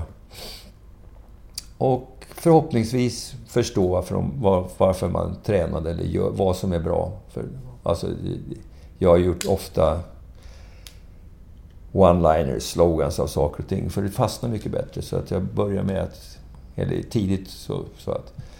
I Japan säger ju alla ja till allting. Det heter haj på japanska. Haj! Haj! Hej! Och ju mer intensivt man säger hej, ju mer är man med på noterna liksom. Så jag förbjöd dem att säga hej. Så jag säger Don't say hi. Ask me why. Det är lätt att komma ihåg. Ja. Så jag ville att de skulle fråga why. Tog bort stå i led och grejer. All, all, gjorde alla saker för att bryta konventionen. Nej, vi ska inte stå i led och buga. Nej, inget bockande där. Nej, inget sånt där. Ta bort. Inte för att det är viktigt att ta bort, men för att signalera att nej, nu är det något annat som gäller. Det, det, det är liksom inte ytan, det är innehållet som är det viktiga. Så bort med ytan. Stå hur du vill. Slafsigt, hafsigt, hur du vill. Stå inte och, och ge vakt och säg buga och säg god morgon herr tränare och sådär. no. Bara, vad fan gör vi det här för? Vill jag höra istället. Och kom du ja, halvvägs i alla fall? kom en bra bit i alla fall. Du kom en bra bit. Mm. Ja, underbart. Du, um, det, det skulle intressera mig oerhört mycket och det tror jag ska vara oerhört intressant att just bara, bara prata om den, den tiden i, i Japan. Det hör, jag, det hör jag hela vägen. Um, jag har en sån här uh, avslutningsfråga som är lite hypotetisk lite grann. Vi var ju inne på det här med att vi var ju ingenting i volleybollen och sen blev vi ja, nästan bäst i världen. Och sen så har det ju då fallit ihop igen. Men om vi skulle ta en annan idrott. Mm. Fotboll, till exempel. Mm. Och så och så säger vi så här att eh, vi ska fan vi, vi, ska bli så bra så att vi ska kunna VM-guld i fotboll. Så att vi faktiskt är bäst i, i världen. Eh, finns det någon resa där som du skulle säga så att ja, om man skulle ta tag i saker och ting från ett helt annat håll så skulle man också kunna nå det i en sån sport som, som fotboll. Är du lite, förstår du ungefär vad lite ja. jag är ute efter sådär? För mm. du gjorde ju från noll ja. till världsklass. Vi är ju inte noll i fotboll. Nej. Eh, den resan borde ju då ja. Eh, i det här rent teoretiska resonemanget vara lättare. ja. Alltså jag skulle gärna, väldigt gärna vilja säga, svara på din fråga. Det tror jag stenhårt att det går att göra. Men jag är också ödmjuk inför, upp, inför mitt sätt att se på fotboll tror jag är ändå väldigt talangdriven. Med det jag menar att det finns några så exceptionella talanger som gör väldigt stor skillnad. Och det är klart det finns grader av talanger också, men säg att något lag, om sen är Brasilien eller Spanien eller Italien eller vad det nu vill, Holland eller vad det är, Så, så har de kanske flera stycken av de här som jag tror kan förändra mm, spelet då, eller matchbilden eller liksom sättet att spela på. Som det är inte säkert att du kan klara av att bemästra med bara eh, om du inte har motsvarande kort att spela själv. Men det vet inte jag, för jag är inte tillräckligt eh, initierad i fotboll, även om jag alltså, tittar ganska mycket. Och när någon, jag trodde du skulle fråga mera så här, för det gjorde de för länge sedan. Fråga, du skulle fan kunna ta över ett lag i fotboll, för de har hört att jag, har, att jag är beväpnad inom mitt område, att jag mm. kan vad jag pratar mm. om. Liksom. Och då var jag ganska kaxig och sa det skulle jag lätt göra ungefär, att det kunde man ju göra. Men eh, jag har nog blivit mer ödmjuk på den punkten, så jag tror att det är... Du måste i alla fall ha specialkunskaper, utan det kommer du ingenstans. Mm, men att, att Sverige skulle kunna göra det tror jag inte är omöjligt. Att titta på Holland, och sen, sen vet ju alla ursäkter som finns med, ja, med vårt klimat och sådär. Ja, men vi hade ju bara sju meter i taket i våra hallar och vi såg på vinden i Ving, Åsens gård i Vingåker det är ungefär samma sak. Vi behöver inte ha jättebra temperatur kanske. Och numera finns det inomhushallar och vad det nu kan vara. Men då, jag menar, titta på Holland, som är ett ganska litet land, även om de har fler invånare än vad vi har, som har varit jättebra länge och ett tag var bäst i världen och alla skulle kopiera Cruyffs fotboll och ja, allt det här. Så jag menar, all, det indikerar ju på absolut att det går. Och jag tror att det går. Det, det tror jag. Men... Eh, inte så jag säger att självklart går det. Men den hypotetiska frågan, tror du det skulle vara möjligt? Så säger jag att ja, jag tror det skulle vara möjligt. Men det, du måste ha någon som kan ta hela det där greppet. Och jag tror inte att det räcker med att du har... Hur det ska göras, det vet inte jag. Men alltså, det går inte att göra i den formen som är nu. Att de tränar som de gör nu i de allsvenska lagen och sen har man några proffs som kommer hem och så tränar man två dagar innan en landskamp. Och, i allt det här. Det, det fordras ju säkert att man vänder på den där tärningen ganska många gånger innan man rullar iväg den. Det kan jag förstå. Du, nu har vi suttit här och köttat i eh, över två timmar. Ja. Hur känns det? Ja, det känns... Ja, när, man, när man är på sin egen, egen mammas gata, eller vad det heter, på sin egen bakgata, så är det. Ja, har man hållit på i 50 år med det här som jag har gjort, så har man ju lite att ösa ur och eftersom jag har klart för mig vad jag har hållit på med och vad jag håller på med så känns det inte så svårt. Det, det är bara att säga vad jag, vad jag vet och tycker.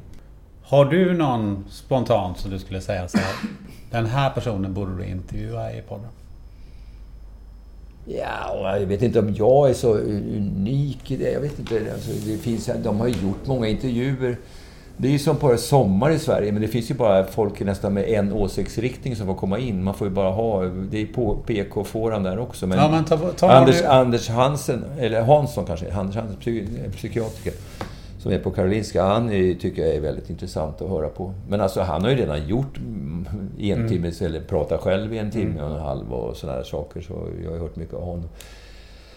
Jag är intresserad jag har ju inte bara tittat på en boll i hela mitt liv, utan jag är ju intresserad av, av liksom samhällsdebatten eller politik eller psykologi eller interaktion mellan människor. Och, alltså jag, jag är hyggligt, eller ganska bra allmänbildad skulle jag vilja säga. Mm. Så att eh, det tycker jag... Det är svårt att, att man kan inte bara styra in på in, även om många utifrån tror att... Som, alltså som profession har jag bara sysslat, sysslat med, med en sak nästan. Mm. Liksom, och, och, och varit beredd att ge det allt. Men det betyder inte att man inte försöker ha koll på sin omvärld och förstå vad den är. Nej. Du, eh, om man efter den här, eh, det här inslaget på något sätt eh, skulle vilja ha tag på dig eller fråga dig någonting eller någonting eller följa dig? Finns du på sociala medier? Ja, fast jag är mera följare än vad jag... Jag, är, jag postar ganska lite. Jag, fast jag finns ju på både Facebook och Instagram och sådär. Men... Ähm, ja, alltså, förut så la man väl upp lite grejer. Men nu tycker jag det känns lite för e-, ego-grej att lägga upp vad jag har gjort och titta här. Eller, jag tycker det blir gärna åt det hållet när man lägger upp. Om man inte ska lägga upp, och lägga upp en intressant artikel som någon annan har skrivit eller något sånt där. Men, men om man vill mejla dig? Men mejla... Ja, du får gärna få tag i mig. Men alltså det är inte svårt att få tag i mig på mejl eller på Facebook eller Instagram. Det är inte svårt att få tag i mig. Jag är absolut ingen som har gömt mig. Jag har Nej. alltid varit öppen till alla egentligen. Och jag tycker det är jättekul att vara med, med alltså, vanligt folk inom volleyboll. Det behöver inte vara bra. Jag håller på med det här företaget vi har. Tränar gärna folk som gör sina första stapplande mm. steg fast de är 40 år. Alltså det är som inte tänkt att bli bra. Så att jag är inte elitistisk på något vis. Om man vill mejla dig, hur gör man då? Hur gör man då? Ja, mitt namn är och sen 55 at gmail.com. Anders Kristiansson 55. Eller Akej55 Hotmail. Fantastiskt. Anders Kristiansson, ett stort tack för att du ville vara med i den här podden. Ja, tack själv. Vad kul. Hoppas någon lyssnar. Jaha. Ja, vad säger man nu då? Anders lämnar ju ingen oberörd och alla håller säkert inte med i hans analyser. Har du en annan erfarenhet eller åsikt? Susa in på poddens Facebook eller Instagram-sida och dela med dig av dina tankar. Som vanligt, om du har något alldeles särskilt på hjärtat eller bara några tips som du vill dela med dig så kan du mejla mig på gunnar.österreich.se. Nu när vi ändå är inne på avdelningen sport, varför inte förflytta oss till GIH och forskaren Elin Ekblom Back? I nästa avsnitt då ska vi snacka folkhälsa Elin har nämligen presenterat en studie som visar att hälften av Sveriges befolkning har hälsofarligt dålig kondis. Till dess, ja då vet du vad du gör. Du träffar någon du tycker om och varför inte ta en promenad medan ni löser livets problem. Ha det gött!